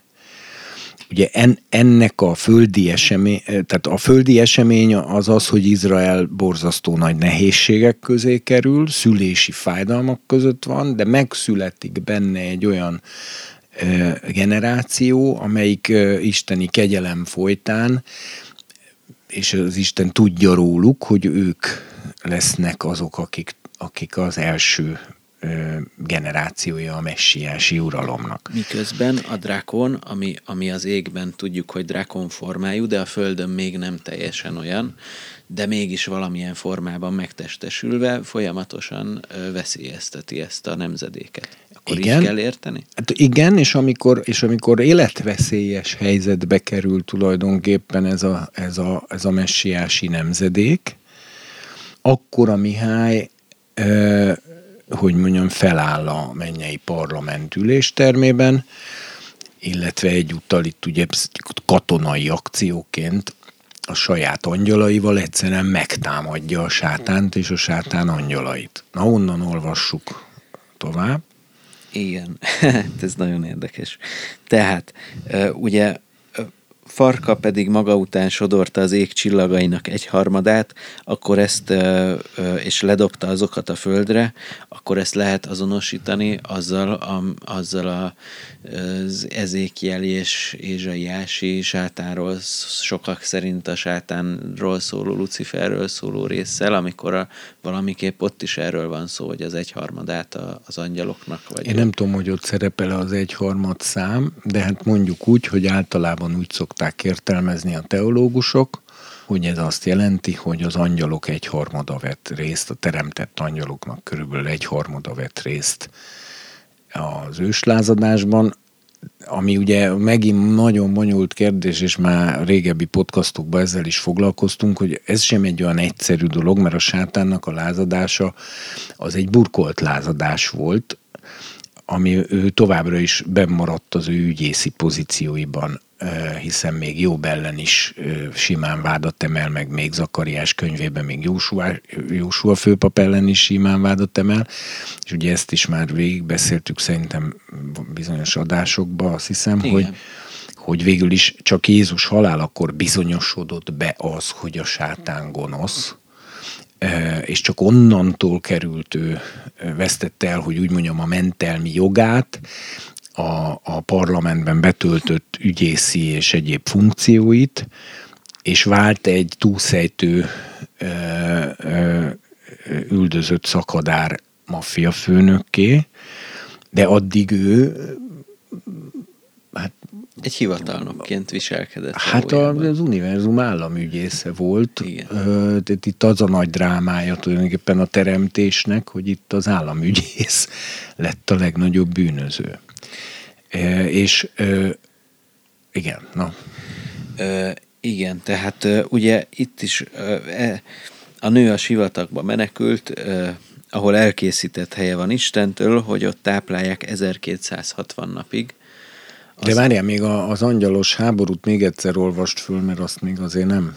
Na de az most következik majd. Tehát az pont most jön. Most jön. De onnantól, ahogy a Mihály először meg van említve, az, tehát az, amit már felolvast. Az most következik, ja? jó, igen, jó, jó. igen. Um, Ja, ugye itt az, hogy a nő a pusztába menekül, ahol neki el, az megint mutatja, hogy itt Izraelről van szó. És három és fél évről van itt is És szó. három és fél évről van szó, tehát hogyha nem akarunk mindent elszelleményesíteni és elallegorizálni, már pedig erre semmi okunk nincs, mert a Dániel ugye ugyanezt az időkorlátot használja, és semmi jele nincs annak, hogy ott bármiféle hogy ez egy allegorikus szám lenne, hanem ez 1260, illetve 1290 napról szóló 42 hónap, három és, és fél év, egy fél év. Nap, ez, ez, ez minek köszönhető? Az egy szökő hónap. És... hát a zsidó naptárban ugye nem szökő napokkal igen. korrigálnak, hanem szökő hónapokkal, mivel hogy a, ugye a hónapszámítás a holdévet számi, hold hónapokkal számol, ezért ugye csúszás keletkezik a napévtől, mégpedig annyi csúszás keletkezik a napévtől, ezáltal, hogy három-négy évente feltétlenül be kell rakni egy egész szökő hónapot, mert különben ugye nem érnek be a, nem ér be az árpa az első zsenge ünnepére, és akkor nem lehet bemutatni az ünnepet. Az meg van írva, hogy a hónapnak a új holdkor kell kezdődnie, és a következő hónapnak is új holdkor kell kezdődnie, tehát a hold hónapon nem változtathat egy engedelmes zsidó.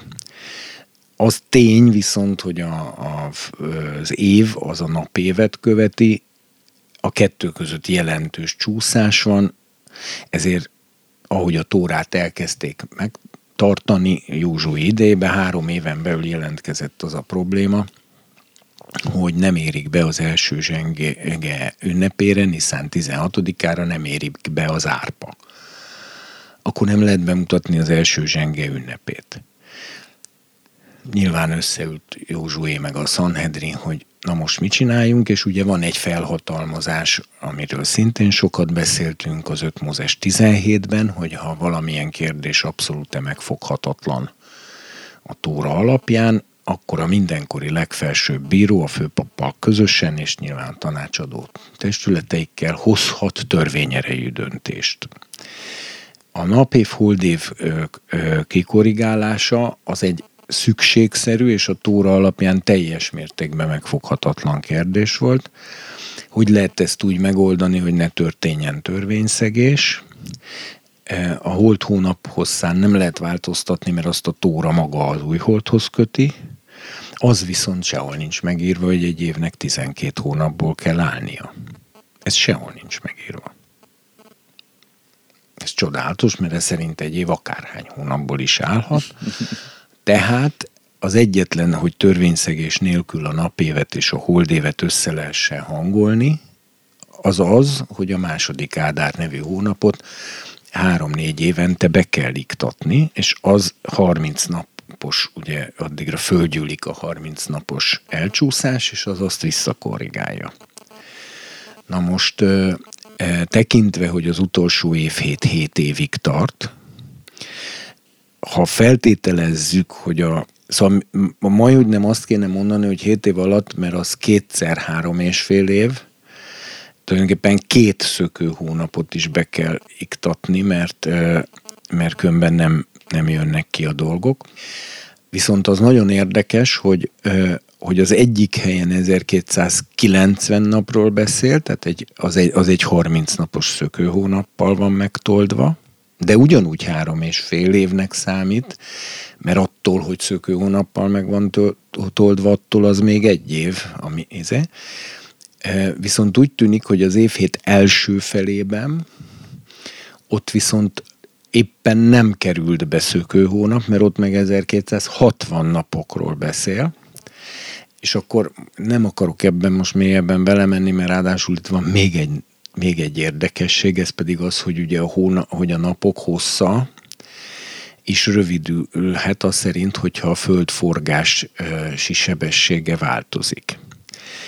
E, e, nem kell nagyon változni a forgási sebességnek ahhoz, hogy, mert ugye most jelenleg egy holt hónap az pont 29 és fél napos.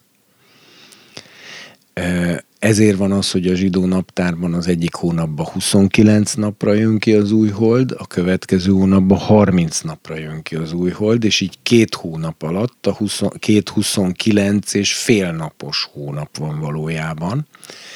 De az egyiket azt 29-nek, a másikat 30-nak vesszük.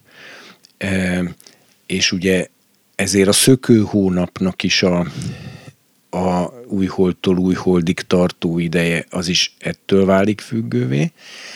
Viszont ugye a Noé özönvizének a leírásánál ott egyértelműen a Biblia 30 napos hónapokkal számol. Nem, nem 29 meg 29 és fél, és halálpontos napadatokat ad meg, tehát napra.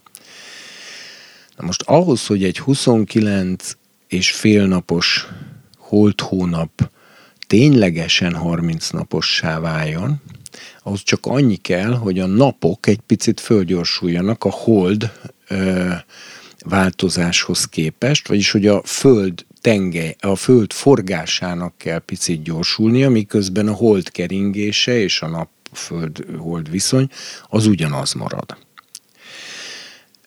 Na most ezt pedig nevezzük profétai évnek és profétai hónapnak, mert hogy szemmel láthatólag az ítéletnek az idejéről, Lásd Noé özönvize is egy ítélet volt, lásd a jelenések is egy ítéletről szól, ott 30 napos hónapokkal számol, és ugye ezen sokat gondolkoztak már, én csak annyit szeretnék mondani, hogy azok a kataklizmák, amik érik a Földet, minden további nélkül elegendőek a, fo- a Föld forgási sebességének egy ilyen egészen kicsiny mértékű felgyorsítására. Ugye amikor az özönvíz során irtózatos mennyiségű víz került a föld felszínre, részint a föld mélyéből, részint az égből, Hát mindenki tudja azt, hogy ha a focilabda ö, vizes és sáros lesz foci, foci közben, akkor a mozgása teljesen megváltozik, tehát nem lehet vele ugyanúgy lőni, mert másképp röpül, másképp forog. Azért, mert a felszínén megjelent egy súlyt képező plusz réteg, ez tiszta fizika. Tehát ebben semmi izé, okkultizmus nincs. A föld forgása az nem állandó. Amikor volt az a nagy cejloni e, e, mélytengeri rengés, ami, vagy indiai óceáni, ami után a cejloni partvidéken a cunami 200 ezer embert elpusztított, akkor újsághír volt, hogy a Földnek a, most nem is tudom, hogy a keringési vagy a forgási ideje, az megváltozott attól az egy tengerrengéstől. Tehát gondolj arra, hogyha lufi száll a levegőbe és megbököd egy picit az ujjaddal, akkor ahogy így remeg a felszíne, attól, attól megváltozik a röpte is. Tehát ugye a, a világűrt nem úgy kell elképzelni, mint ilyen fix, eh, mintha madzagon pörgetnénk körbe egy golyót, mert itt nem madzagon vannak a golyók körbe pörgetve, hanem mindenféle gravitációs egymásra hatások révén,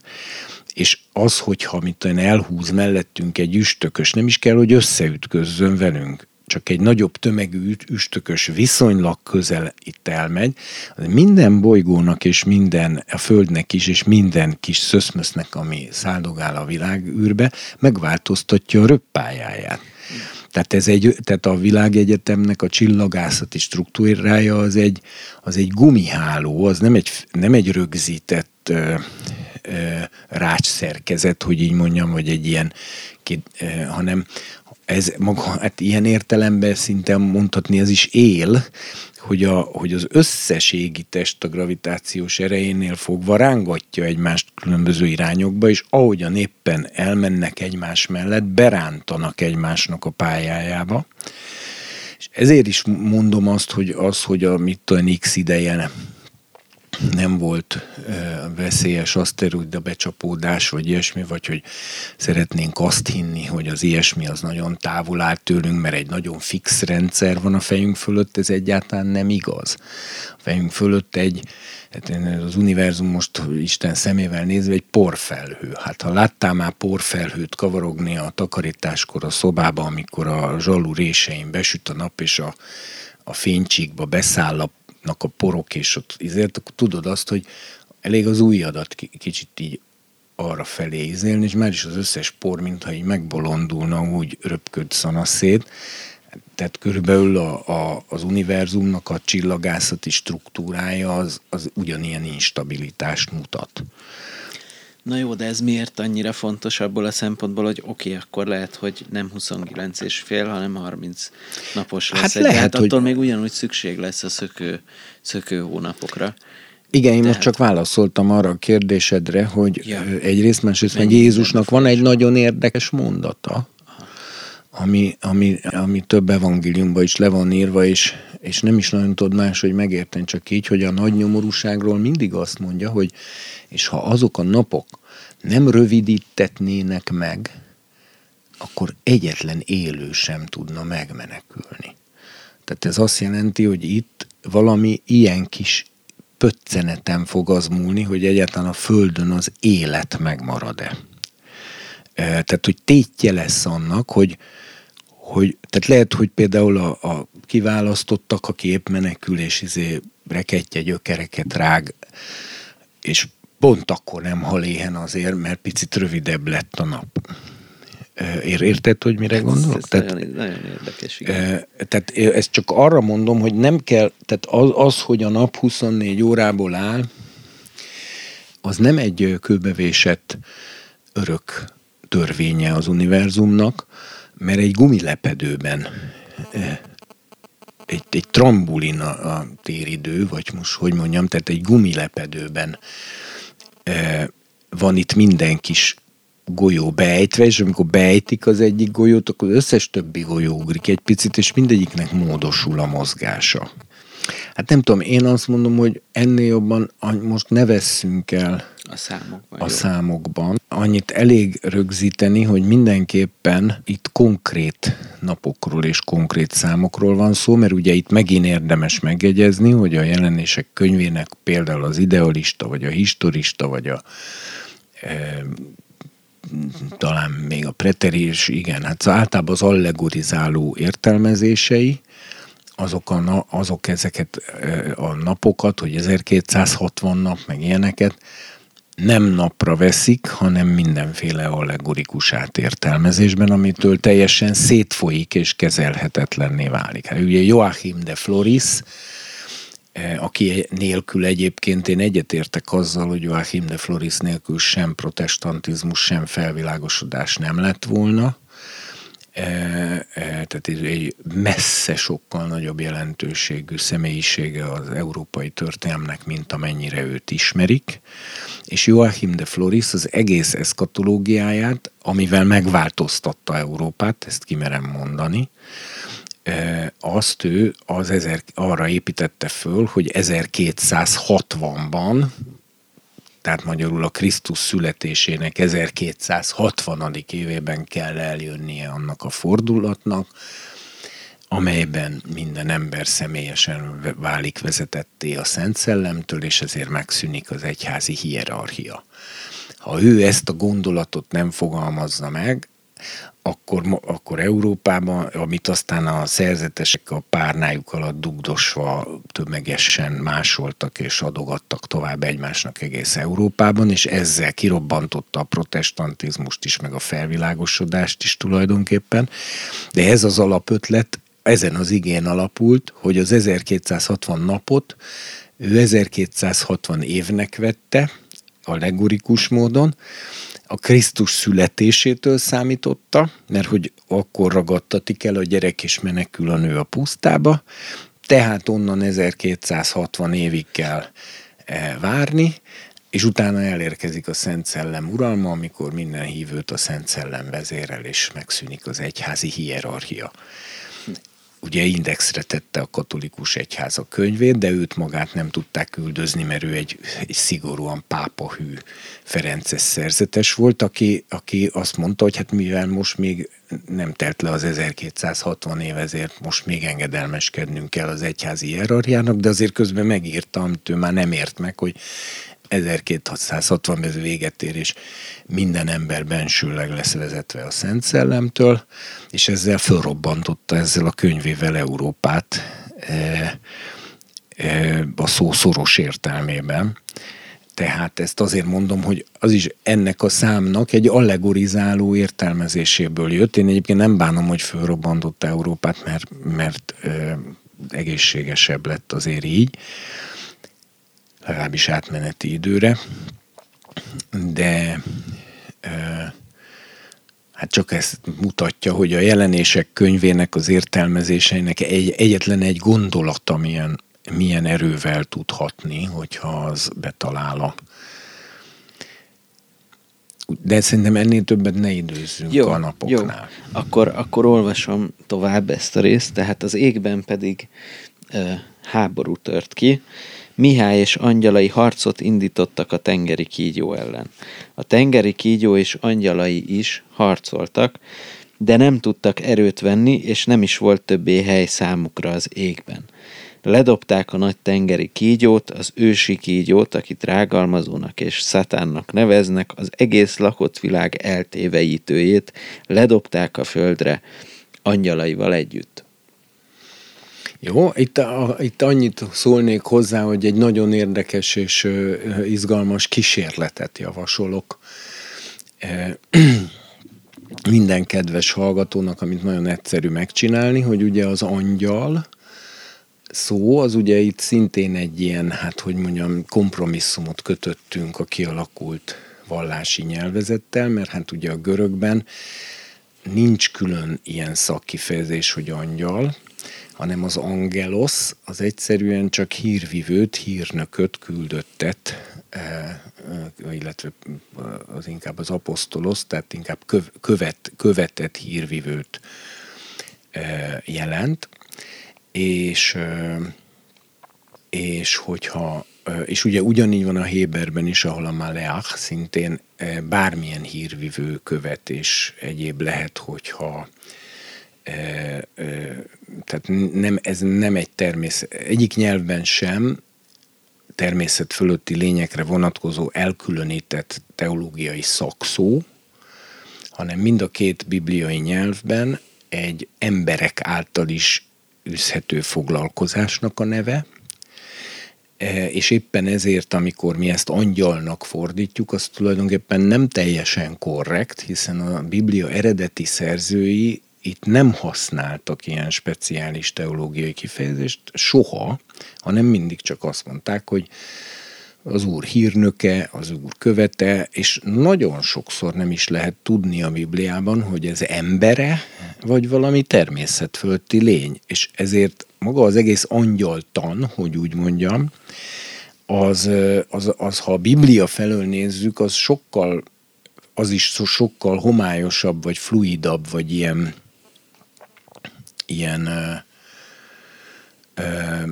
nincs ilyen éles határa, mert, mert, a, mert a Bibliában nagyon sokszor nem tudhatod, hogy az, aki most beszél, az egy embere vagy egy angyal, mert például a bírák könyvében például van, így fordítja a Károly, hogy felméne pedig az úrnak angyala Gilgálból Bókimba, és azt mondta a népnek, hogy mivel ti ö, ezt és ezt csináltátok, ezért én meg elhagylak titeket, stb. Nos, ott a, a Károli ugye úr angyalának fordítja. De közben meg a beszélgetésből, ahogy beszélgetnek, azért nagyon világosan kihallatszik, hogy ez inkább egy ember lehetett. Az úr követe, és ugye tehát a fordító dönt sok esetben, amikor nem lehet az eredeti szöveg alapján eldönteni, hogy ez egy ember, vagy egy úgymond angyal, hanem csak annyit lehet tudni, hogy ez egy hírhozó. Egy hírvivő, egy hírnök, egy küldönc, Rugási Gyulával, amikor beszélgettünk, hogy mi lenne a legjobb fordítás, akkor ő felvetette a fullajtár, eh, mert hogy az még, még szorosabban tükrözné a... De miért az mit jelent, hogy fullajtár? A fullajtár az a, az, az a kifutó fiú, tehát aki, akit kikül hozzá fiam egy kávét, meg hogy mond meg a Béla bácsinak, hogy két órát kések, tehát ez volt régen ugye a, a fullajtár. E, de azért, mert az a fut szóból származik, és ezért jobban rímel a, a Héberben a, a, a szóra, mint a, e, mert hogy az is a futból jön. Futár. Hát futár tulajdonképpen. Futár.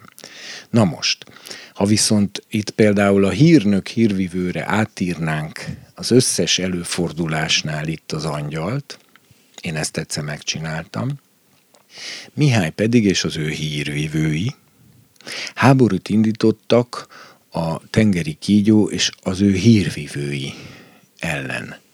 És ugye itt a, ezekben a sorokban egy csomószor szerepel az angelos, angelos, angelos, de az mindenhol hírvívőt jelent, és ha a biblikus világnézetben nézed, most ez meglepő lesz, amit mondok, de ugyanakkor nekem azért revelatív is, hogy ö, itt nem csak angyali háborúról van szó, itt hírvívő háborúról van szó, itt hírek ütköznek. Ez egy média háború is. Itt a, a Mihálynak hírvívői vannak, ő hírvívőket küld ki, azok a harcosok, a hírvívők, és a sátán is kiküld hírvívőket, és neki is a harcosai hírvívők most lehet, hogy valaki, aki ezt hallgatja, meglepődik, és azt mondja, hogy micsoda eretnekséget mondok, mert hát ezek biztos, hogy angyalok. Én azt nem vitatom, hogy angyalok is. De a, az eredeti héber-görög gondolkodásmódban ez ember is lehet, mert az eredeti héber-görög gondolkodásmódban ilyenkor nem az a lényeges, hogy az illető természet fölötti lénye vagy nem, hanem az a lényeges, hogy hírvivőe vagy nem és hogy ha hírvivő, akkor kinek a hírvivője? Na most én ezért azt mondanám, hogy itt, itt amit látunk, az tulajdonképpen egy természet fölötti szinten induló, de nyilvánvalóan a természetes szintre is besugárzó hírháború. Itt az igaz hírek és a hazug hírek háborújáról van szó. Ugyanis a szátán neve vádló, tehát vannak a vádlónak, a rágalmazónak hírnökei, küldöncei, hír, ö, ö, nem vitatom, hogy angyalok is. De pont arról szól a történet, hogy a Mihály és az ő hírvivői az eget megtisztítják a sátán hírvivőitől, a vádnak a hírvivőitől, meg a rágalomnak a hírvivőitől az eget megtisztítják. De ennek az a következménye, hogy a föld viszont tele lesz velük. Tehát, hogy ledobják ide. Na most mindezekből, hogyha most tényleg spirituálisan és tényleg látni próbálunk az ige alapján, akkor az teljesen egyértelműen mondható, hogy ebben az utolsó nagy ö, konfliktusban az emberiségen belüli híráramlás az döntő fontosságú. Tehát ö, gondoljunk arra, hogy, a, hogy az Izrael az az Izrael, az asszony, és hogy amikor lezuhan a földre a, az angyalaival, azaz a hírvivőivel együtt a vádló rágalmazó, akkor az asszonyt veszi üldözőbe, és majd fogjuk olvasni, hogy még két társaságot, azokat, akik megtartják az Isten parancsait, és Jézus tanúságtevőit. Az, akik megtartják Isten parancsait, az a törvényhű zsidóság, de talán még azt is lehet mondani, hogy az emberiség többi részében is azok, akik például továbbra is a tíz parancsolat szerint meg, hogy mondjam, a hagyományos emberi értékek alapján akarnak élni, lelkiismereti parancsok alapján akarnak élni. A Jézus tanúságtevői, az pedig a, az a társaság, akik Jézus Krisztust, mint messiást hirdetik, és a, a vádló, rágalmazó és a hírvivői ezeket, e, e, majd mindjárt fogjuk olvasni, hogy, hogy miután az asszony meglóg elő, előle, akkor azt mondja, hogy kiáll, hogy a kígyó nagyon dühös lesz, amúgy is nagyon dühös, mert ledobták a földre. Ez azt jelenti, hogy a földön a vádlásnak, a rágalmazásnak és a hazugságnak olyan ereje jelenik meg, amilyen az emberi történelemben még soha nem jelent meg. Ugye a karizmatikus irodalomban legtöbbször a, a gonosz angyalok ide lekerülését, és én ezt is teljesen osztom, hogy úgy, úgy képzelik el, hogy egyrészt egyrészt hibridáció történik, tehát hogy megint ugyanaz megtörténik, mint a Noé előtti időkbe, hogy a bukott angyalok lejönnek ide, és részint, hogy emberi formát vesznek föl, részint, hogy hogy nemzenek embernőkkel hibrid gyerekeket. Ez teljesen komolyan gondolod?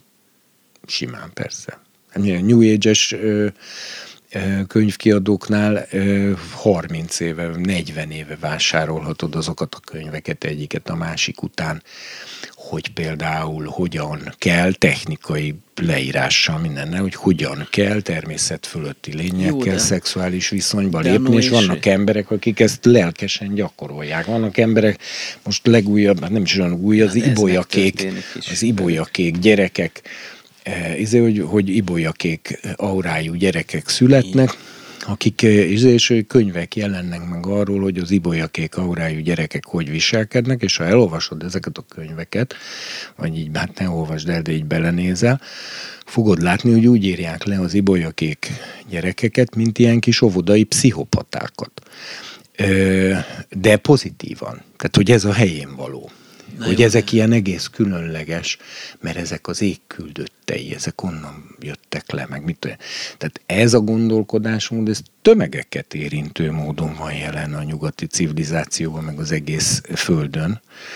Hát a, a, a, a, sokkal inkább a csapból is folyik, e, mint, a, mint mondjuk az evangélium.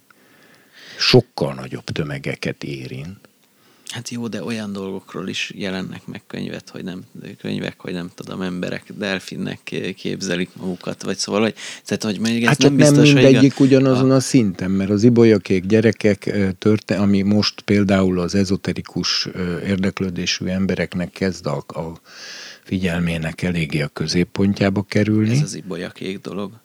Az ibolyakék aurájú gyerekek. Azt mert már könyvek jelennek meg arról, hogyha te fölfedezed azt, hogy a környezetedbe, vagy az óvodába, vagy, a, vagy akár a saját családodba születik, és ugye a leírásokból kiderül, hogy ezek ilyen kis, hát most nem, nem akarok senkit sem megsérteni, megbántani, nagyon elnézést kérek, de a, ahogy leírják, mert leírják ők már, hogy na az is egy ibolyakék gyerek volt, és az így és így viselkedett, és az derül ki, hogy pici kis demonizált gyerekekről van szó, akik már, már szinte a négy-öt éves korukban olyan ilyen démonikus képességű megnyilvánulásaik vannak, és akkor a könyv az hosszú fejezeteken átírja le, hogy az ilyen gyerekek különleges bánásmódot igényelnek, különleges nevelést igényelnek, és vannak emberek, akik ebbe hisznek, és vannak emberek, akik a gyerekeket így nevelik, és ilyen óvodákba adatják.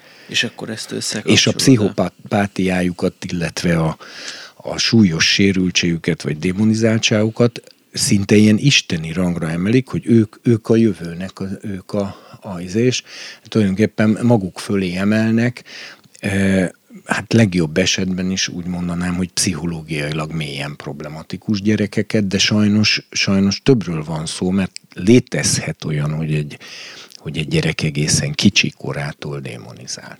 Ezzel nem azt akarom mondani, hogy, hogy nem lehet megszabadítani, ezeket a gyerekeket, azt sem mondom, hogy egyáltalán ezek a gyerekek tényleg ibolyakékek, mert az egész aura kérdés is, hát izé, de azt, hogy megjelenik az emberiségben egy olyan tanítás, és az tömegek követik, hogy a pszichopatán viselkedő gyerekeket ilyen kis istenként tiszteljük, és azért ez, ez egyébként nem új jelenség. Nepálban ott van olyan istennő, aki egy 12 éves kislány és szegénynek egész napja azzal telik el, hogy tetőtől talpig ékszerekbe csomagolva egy trónszéken kell ülnie e, reggeltől estig, és a hívek jönnek eléje, és leborulva imádják őt, és szegény kislány szerintem azt se tudja, hogy hol van, de mivel ő annak született, hogy ő, ő az az, szó szerint Isten nő, tehát őt mint Isten nőt tisztelik, és,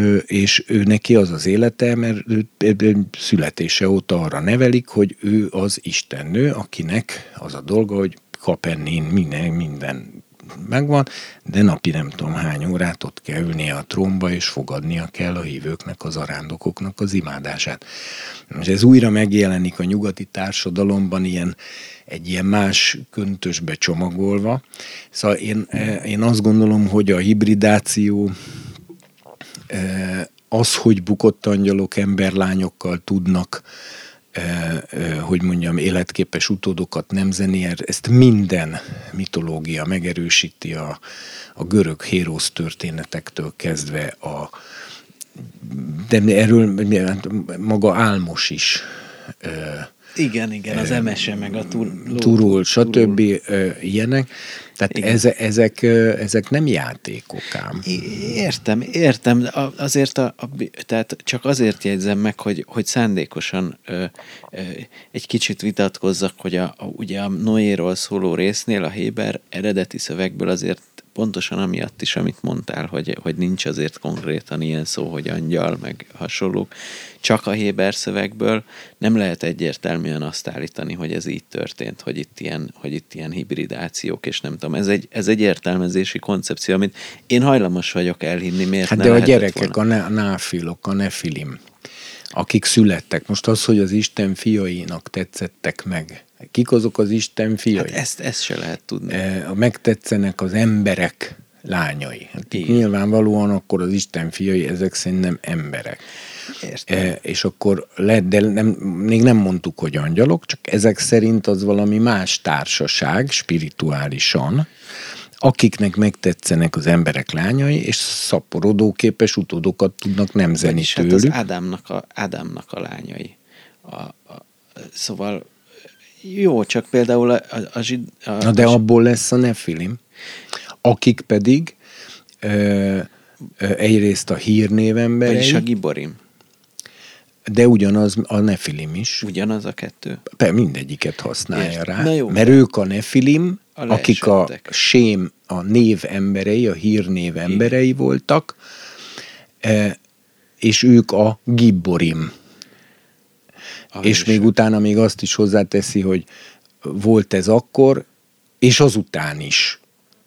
És ott vannak az óriások a, a e, Tórában, uh-huh. akik gyakorlatilag ott az egész környéket óriások lakták, és az összes nép óriásoktól vette el a földjét. Góliát, a többiek, tehát ugye kicsit meg itt az is megint más, hogy egy, hogy hogy mondjam neked, egy, egy megint, ha visszamegyünk, tehát nekünk más a világnézetünk, hogy át, meg kell tanulni átkapcsolni a, a biblikus világnézetre. Az ókori ember számára azok, hogy angyal, ember, természet fölötti démon, nem tudom micsoda, ezek nem absztrakt, elvont fogalmak voltak.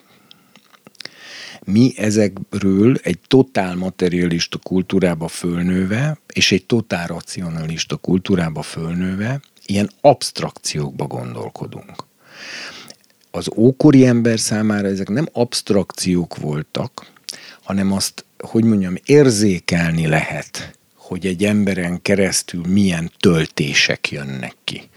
Én múltkor beszélgettem egy emberrel egy fél éjszakát, és másnap alig bírtam az egész nap nem tudtam elvégezni, amit akartam, mélységes mély szomorúság és depresszió fogott el, feleségem a tanulja, hogy mondtam, hogy hát ennyire rég borultam ki, egy napig tartott, míg összevakartam magam, és, és próbáltam tisztázni, hogy mi történt.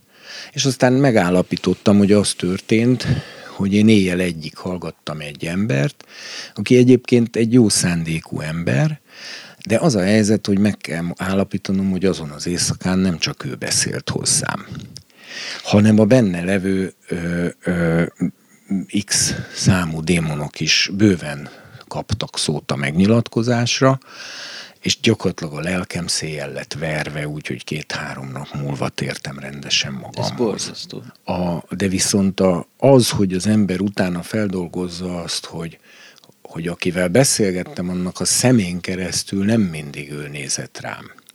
És amit mondott, az nem mindig ő belőle jött, és, és ezért kerül az ember ilyen, mintha lánctalpas tankok mentek volna rajta keresztül, és ez, és ez nem is függ az illetőnek a jó szándékától, vagy rossz szándékától. Ez, ezt értsd meg, hogy egy ókori ember számára ilyenkor teljes, tehát az másképp látja a valóságot, és az látja azt, hogy, hogy most démonok beszélnek. De ugyanígy, hogy mondjam, egy ókori ember számára az, hogy az utcán is bármikor szembe jött velem egy ember, aki esetleg egy angyal, tehát hiszen az összes történetben ezt olvasod, az összes történetben. Néha valami kis gyanú volt, hogy olyan volt a szemem, mint valami Isten fiáé, tudod, például a Manoachnak a felesége eh, mondja, hogy hát találkoztam egy emberrel, aki ezt és ezt mondta, és hát tehát olyan volt a szeme, meg néha azt mondja, hogy olyan a tekintete, mint a, a fém az ércnek a színe. Tehát ugye ez csak annyit jelent, hogy az illetőnek a tekintetében, hát most nem is úgy mondom, hogy egy fémes csillogás jelenik meg, de, de szóval, hogy a tekintetéből lehet csak megállapítani, hogy ez, hogy ez, hogy ugye mi nem féljük eléggé az Istent, de én emlékszem egyszer volt, hogy utaztam, ez még a megtérésem előtt volt hát ugye elég zűlött életet éltem, és utaztam éjszaka egy villamosom, ahol már senki se volt, és akkor oda ült elém egy srác a szembe székre, látszott, hogy hogy mondjam, eléggé amortizálódva van, de nem, tehát nem, hogy részeg, vagy ilyesmi, hanem, hogy ki volt törve például a szemüvegének az egyik üvege, és, és és ilyen nagyon alázatosan, meg minden így mondta, hogy, hogy hát ő nem tud hol aludni, meg, meg hogy ilyen baja van, meg mit tudom én, és, és hogy én nem tudok-e valamit, ahol ő tudna. És én akkor egyedül laktam egy saját lakásomba, és mégse fogadtam be. És itt ez Isten egy-két hónap múlva egyszer csak megint megjelenik, megint ugyanúgy, megint az éjszakai villamoson, ahol nincs senki, megint leült velem szembe, ugyanez a, a, az arc, és semmi félelmetes úgy nem volt benne, hogy ami miatt, hogy én nem fogadom be, mert akkor megöl éjszaka, vagy ilyesmi, hanem és mégsem mertem befogadni, és másodszor is elutasítottam. És aztán utána nem tudtam kiverni a fejemből hónapokig. És, és utána már nagyon bántam, hogy én ezt miért nem fogadtam be, ezt a, srácot, amikor így kért, és, és hát pedig én szeretnék jó ember lenni, és állítom, hogy volt szerepe a megtérésemben annak a, a bűn bánatnak, amit emiatt éreztem.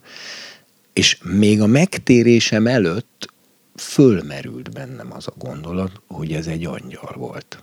És ez tulajdonképpen azzal, tehát egy pró, próbára tett. És az önismeretemhez kicsit hozzá segített, hogy én, aki a nagy hippi ö, ö, békefilozófus vagyok, azért odáig nem jutok el, hogy egy ismeretlen téjjel beengedjek a lakásomba, akkor se, ha már másodszor kér meg szinte könyörögve, hogy, hogy nem tud hol aludni. Jót tett nekem az a megaláztatás, hogy azzal szembenéztem, hogy, hogy azért nem vagyok én egy olyan laza gyerek, hogy egy ilyet bemerjek fogadni, és hogy azért nem kizárt, hogy emiatt esetleg az úr nem annyira pozitívan fog rólam gondolkozni, és ez ennek komoly szerepe volt abban, hogy utána megtértem, mert rájöttem arra, hogy nem vagyok egy jó ember. És a mai napig nem vagyok benne biztos, hogy az nem egy angyal volt. Tehát e, sose tudni tudod, hogy ki jön szembe az utcán. E, Pál, Pál, Pál azt írja, ugye visszautalva a Lót történetére, meg az Ábrahám történetére, hogy a vendég szeretetet, de ugye ott az eredetiben xenofilia van, tehát hogy az idegen szeretetet, azt ne hanyagoljátok el, mert ezáltal némelyek tudtukon kívül angyalokat láttak vendégül. E, tehát ugye ma, mai kultúrában már az már egyáltalán nincsen benne, hogy én egy teljesen ismeretlen embert befogadjak. De pedig egy telje, mert ugye, hogy mondjam, könnyű papolni a hajléktalanokkal kapcsolatban, meg mit tudom én, de hát igazából ott kezdődik, hogy hogy az Ézsaiás azt mondja, hogy a szegény bujdosókat házad, az a bőjt, amit én kedvelek, hogy a szegény bujdosókat házadba bevigyed, fölruházad és megetessed. Nem abban, hogy a, a hivatalos hajléktalan gondozás ezt intézze el, hanem ez valamikor úgy működött, hogy az emberek ismeretlenül is befogadták a rászorulót, e, csak ma már ugye annyira szintén hát elidegenedett és szörnyű és paranoid világban élünk, hogy már nem ismeri megcsinálni ezt az ember, mert már senkiről se tudhatja, hogy nem egy gyilkost fogad-e be magához. Nálunk volt egy ilyen a társasházban, és én nagyon örültem neki, és, és aztán ilyen a pincébe beköltözött, és egy nagyon aranyos ember volt, és, és mindenféléket kapott, ilyen takarókat, meg kanapékat, meg egy ilyen csak most sajnos kitiltották a házból, mert hogy nem tudom, kétszer ott a kukák, kukáknál így elaludt, vagy valami ilyesmi, és borzasztóan sajnálom, hogy így kizavarták őt, akkor Szóval nem, én csak azt akarom ezzel mondani, hogy nem kizárt az, hogy bárki odaléphet hozzánk az utcán, és kérdezhet, vagy kérhet tőlünk, vagy mondhat nekünk valamit, és, a, és az egy teszt lesz, és egyáltalán nem biztos, hogy ö, hát tudnék még mesélni olyan bizonyságot, ami tényleg egészen elképesztő ezen a területen, csak azt tényleg el sem merem szinte. Hát Na jó, annyi. Hát jó, annyit elmondok, hogy, hogy egyszer nagyon-nagyon-nagyon-nagyon-nagyon-nagyon rossz állapotban voltam.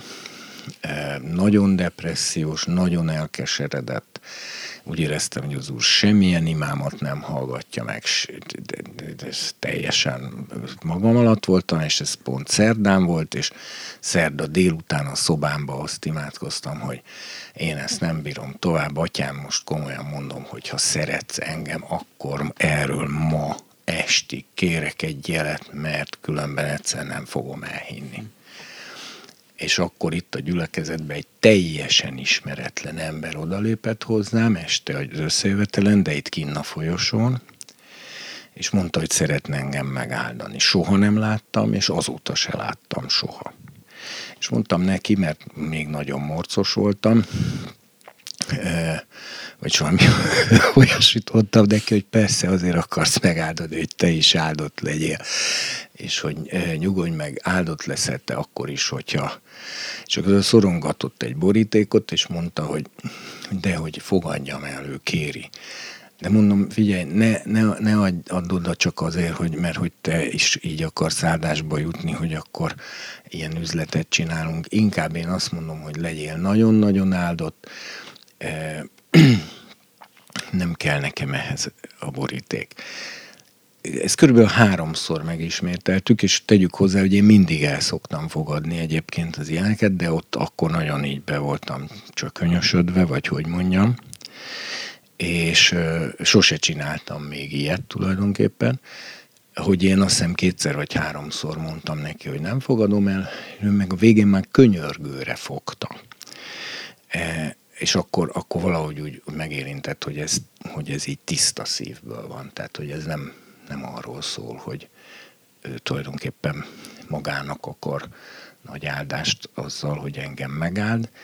Bár egyébként, egyébként ez egy rossz indulatú gondolat volt eleve az én részemről, ezt elismerem, mert, mert e, de mondom, nagyon-nagyon rossz hangulatban voltam, és a végén elfogadtam. Hát ez jó sok idővel ezelőtt volt. Egy millió forint volt benne, soha életemben annak előtte én ilyet nem kaptam, tehát ez kb. 10-20 szorosa volt annak, amennyivel engem úgy néha meg szoktak akkoriba áldani. És ezt az embert sem előtte, sem azóta soha nem láttam. Mai napig azt gondolom, hogy a délutáni imámra ez volt a válasz, és ez ebben bármilyen furcsa, ebben egy intés volt. Mert én nem tudom, el tudod-e azt képzelni, hogy amikor én rájöttem arra, hogy ez a délutáni imámban, én azt mondtam Istennek, hogy én nem is hiszem el, hogy szeretsz engem, hogyha erről ma estig nem adsz valami határozott jelet. Hogy mondjam, tulajdonképpen a fegyelmező ereje nagyobb volt ennek, mint még, a, még az áldásnál is, ami benne volt. Nem tudom, érted de Tehát én úgy elszégyeltem magamat, hogy azóta se mondtam soha többet ilyet Istennek. És nem merészelek többé kételkedni a szeretetében. Na hát én nem tudom, hogy az például nem egy angyal volt-e. Tehát de most nem akarom misztifikálni, meg főleg nem a, a magam sorsát itt ö, ö, középpontba helyezni, csak hát mindenki a saját bizonyságait tudja elmondani. Nekem ez a két eset, ez a villamosos, meg ez a másik, ez nekem nagyon gyanús. Mert mind a kettőben igazából ö, intés volt és önmagammal való szembesítés, de úgy, hogy közben semmi rossz nem történt velem, sőt, jó történt velem, mint egy ilyen, egy ilyen szelid apai fricska, hogy térje már eszedre, gyerek. Tehát... Igen, hát ilyesmit én is átéltem, még rövid, röviddel a megtérésem után, ha el szabad mesélni, hogy találkoztam ilyen forgatókönyvíró barátaimmal, és egészen ilyen késő délután, is valahogy ilyen szinte éjszakában nyúló beszélgetés volt, aminek az lett a következtetés, hogy akkor ők elmennek egy romkocsmába, és én is mentem velük, és ott a romkocsma előtt valahogy végül is szóba került, vagy szóba elegyedtem egy, egy pasassal, aki abszolút nem is volt odaillő, és valahogy rögtön így Salamonról kezdtünk beszélgetni, vagy nem tudom, én ezt így bedobtam valahogy a bibliai témákat, és akkor így egyszer csak így, így ketten maradtunk ott, és megkérdezte, hogy, hogy, hogy igen, hogy, hogy te keresztény, meg zsidó, meg mit tudom én, és, és mondtam, hogy hát igen, igen. Tényleg? És akkor, és nem is magázott, és azt mondta, hogy és akkor maga mit keres itt ilyenkor? és ezt valahogy úgy mondta, hogy, és én visszamentem rájöttem, hogy tényleg teljesen igaza van. Én nem is realizáltam, hogy most nem azt mondom, hogy lehet, nem szabad ilyen helyekre elmenni, csak valahogy nekem az ott egy üzenet volt, és visszamentem, azonnal éreztem abban a pillanatban, hogy most hazamegyek, mert ez ilyen teljes hidegzuhany volt, és visszamentem, elköszöntem a barátaimtól, és kimentem, és a közelbe se láttam ezt a, ezt a fickót, pedig nem körülbelül 40 másodpercet tölthettem oda bent. Érdekes történet. Igen, igen. Szóval én inkább ilyen szögekből közelíteném meg ezt a szöveget, amit most olvasunk, hogy itt hírvívők jönnek, mennek, és nem azon van a hangsúly, hogy, hogy természet fölötti lénye vagy embere, hanem azon van a hangsúly, hogy mit mond. Egy kisgyereken keresztül is jöhet bármelyik forrásból szó, az úgy is szólhat, az szamáron keresztül is szólhat, és akkor az egy hírvivő. De a sátán is megszólalhat még Péter apostolon keresztül is, amikor aztán Jézus azt mondja neki, hogy távozz tőlem sátán. Tehát Szóval nem kell annyira ez az absztrakt, elvont, éles, definiált, racionális, logikus, teológiai megközelítés, mondta, hogy és akkor most angyal volt, vagy démon volt, vagy melyik rendű angyal, és akkor, mert ugye az, az igébe is bele fognak gabajodni, mert amikor azt mondja, hogy azon a, fala, a falat után pedig bement Judásba a sátán, akkor ugye mindenki, aki az absztrakt teológia világában él, az fölteszi a kérdést, hogy hogy mehet be a sátán egy emberbe maga a sátán, hogy mehet be egy emberbe. Hát az egy bukott angyal, hogy érti itt, hogy belement a sátán. Ugye János Apostol meg valószínűleg a kérdést se értené, mert ugye egy, egy olyan ember, akinek a számára a természet fölötti valóság az egy élő valóság, tehát egy tapasztalható és élő és bizonyos értelemben látható realitás, az nem abstrakciókban mozog, és, és az, hogy bemegy a sátán a judásba, az nem azt jelenti, hogy a bukott angyal személyesen teljes valójába beköltözött volna a judásba, de azt igenis jelenti, hogy a szelleme, és, és akkor most persze itt megint közül, de most milyen szem? Démon? Vagy mi? Mert úgy tudjuk, hogy démonok bemehetnek emberekbe, de bukott angyal nem mehet be az emberekbe. De ezek tehát ugye ezek azok az abstrakciók, amivel a valódi látást szokták az emberek pótolni, amikor az eszükkel próbálják meg kitalálni, hogy mi történik a természet fölöttibe, de az, az, az, az, az édeskevés, az nem eligazodás. Vagy tudja észlelni, látni és tevékenykedni benne, vagy vak, és akkor hiába okoskodik, de mi, fogalma nincs, hogy mi az, hogy angyal, meg mi az, hogy démon. Miért van az evangélium görög szövegében egyszer egy olyan kifejezés, hogy eh, a, a, nem tudom milyen, ez egy, eh, egy gonosz, egy démonnak a szelleme volt az emberben. Eh, miért mondja, hogy egy démonnak a szelleme volt benne? Miért nem úgy mondja, hogy egy démon volt benne? Ezek szerint a démonnak van külön szelleme, és a, esetleg akkor mása is van neki? És hát bizony az ókori zsidóság az úgy gondolta, hogy a démonoknak időnként van testük. Tehát szóval ez egy bonyolultabb, bonyolultabb világ ez.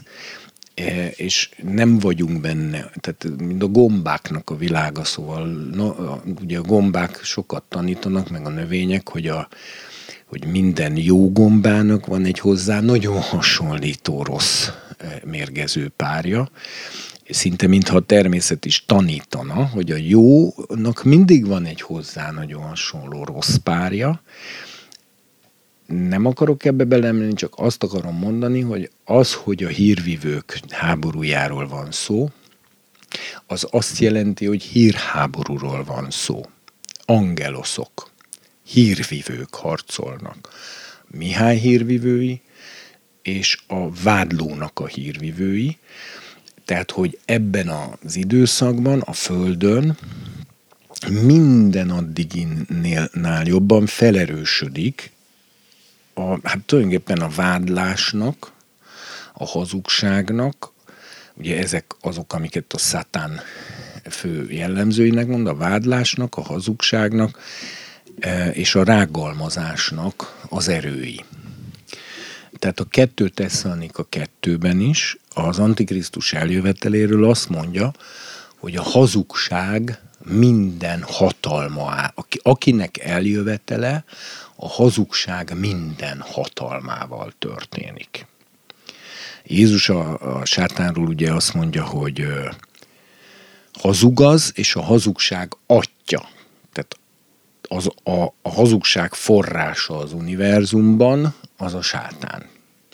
Amikor ő ide le, ledobatik, akkor itt a hazugságnak az emberiség történelmében eddig soha el nem képzelt kiáradása történik, mégpedig a hazugság minden hatalmával, ami azt jelenti, hogy hát az emberek tulajdonképpen esélytelenekké válnak gyakorlatilag abba, arra, hogy, hogy, a, a, hogy, a hazug, hogy, hogy, hogy még a tájékozódásra, hogy így mondjam. Tehát a, tehát a, hazug, a hazugság és az igazság közötti különbségtétel az szinte lehetetlenné válik. Hát ez már most is érezhető, iszonyú nehéz.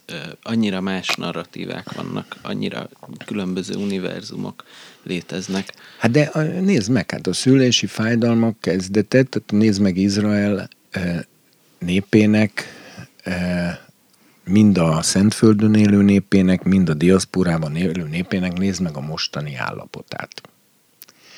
Csak nézd meg.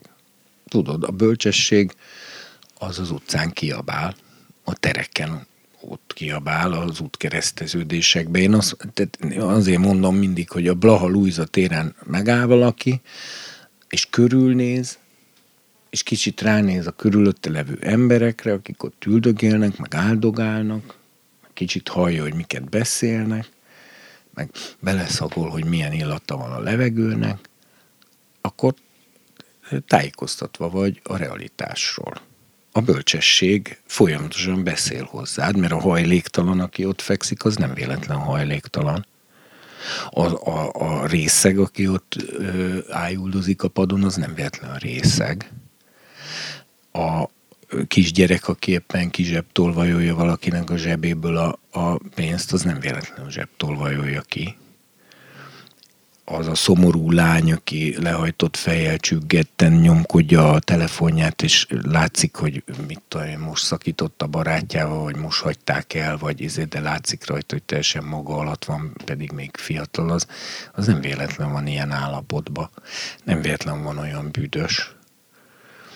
E, szagok, ízek, képek, hangok, mindent megtudsz. E, az utcákon ordítozik a világhelyzet, nem kell hozzá magas söptű, e, hogy mondjam, nem a médiából tudod meg a bőrfoteletből, hogy mi van a világban, hanem hogyha lemész az utcára és beszélgetsz például az emberekkel.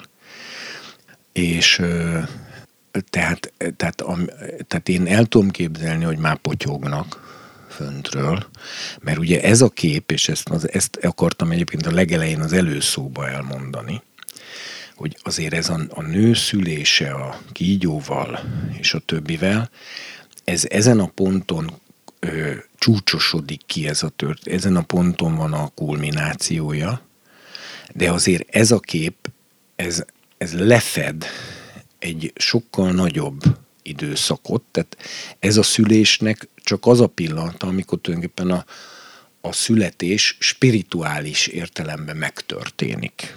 Az van itt leírva. De az, hogy a nőnek már terhességi fájdalmai vannak, hogy, hogy, hogy már nem lehet tudni, hogy mikor folyik el a magzatvíz, és indul el a szülés, ezeket lehet látni. Hát Izraelnek milyen a médiája a világban?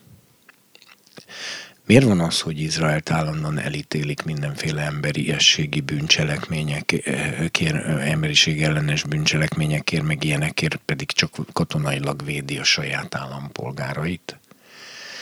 De miért, miért vannak ilyen szavazások az EU-ba, meg az ENSZ-be, meg a nem tudom hol, és miért számít botránynak az, hogyha valaki azt meri mondani, hogy Izrael nem apartheid állam? Miért van ez? Nem teljesen nyilvánvaló, hogy a médiának a nagyon nagy része az torz módon tudósít Izraelről?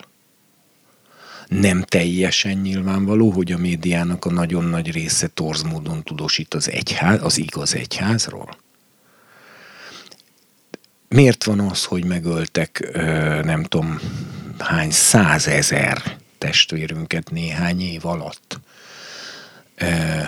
És alig volt, aki fölhívta volna a figyelmet arra, hogy, hogy tömeges keresztény gyilkolás zajlik a közel-keleten, és ugyanúgy nem emelték föl az embereket a szavukat, mint a szavukat, csak amikor már vége lett, és mi nem is tájékoztattak róla rendesen, csak amikor már vége lett.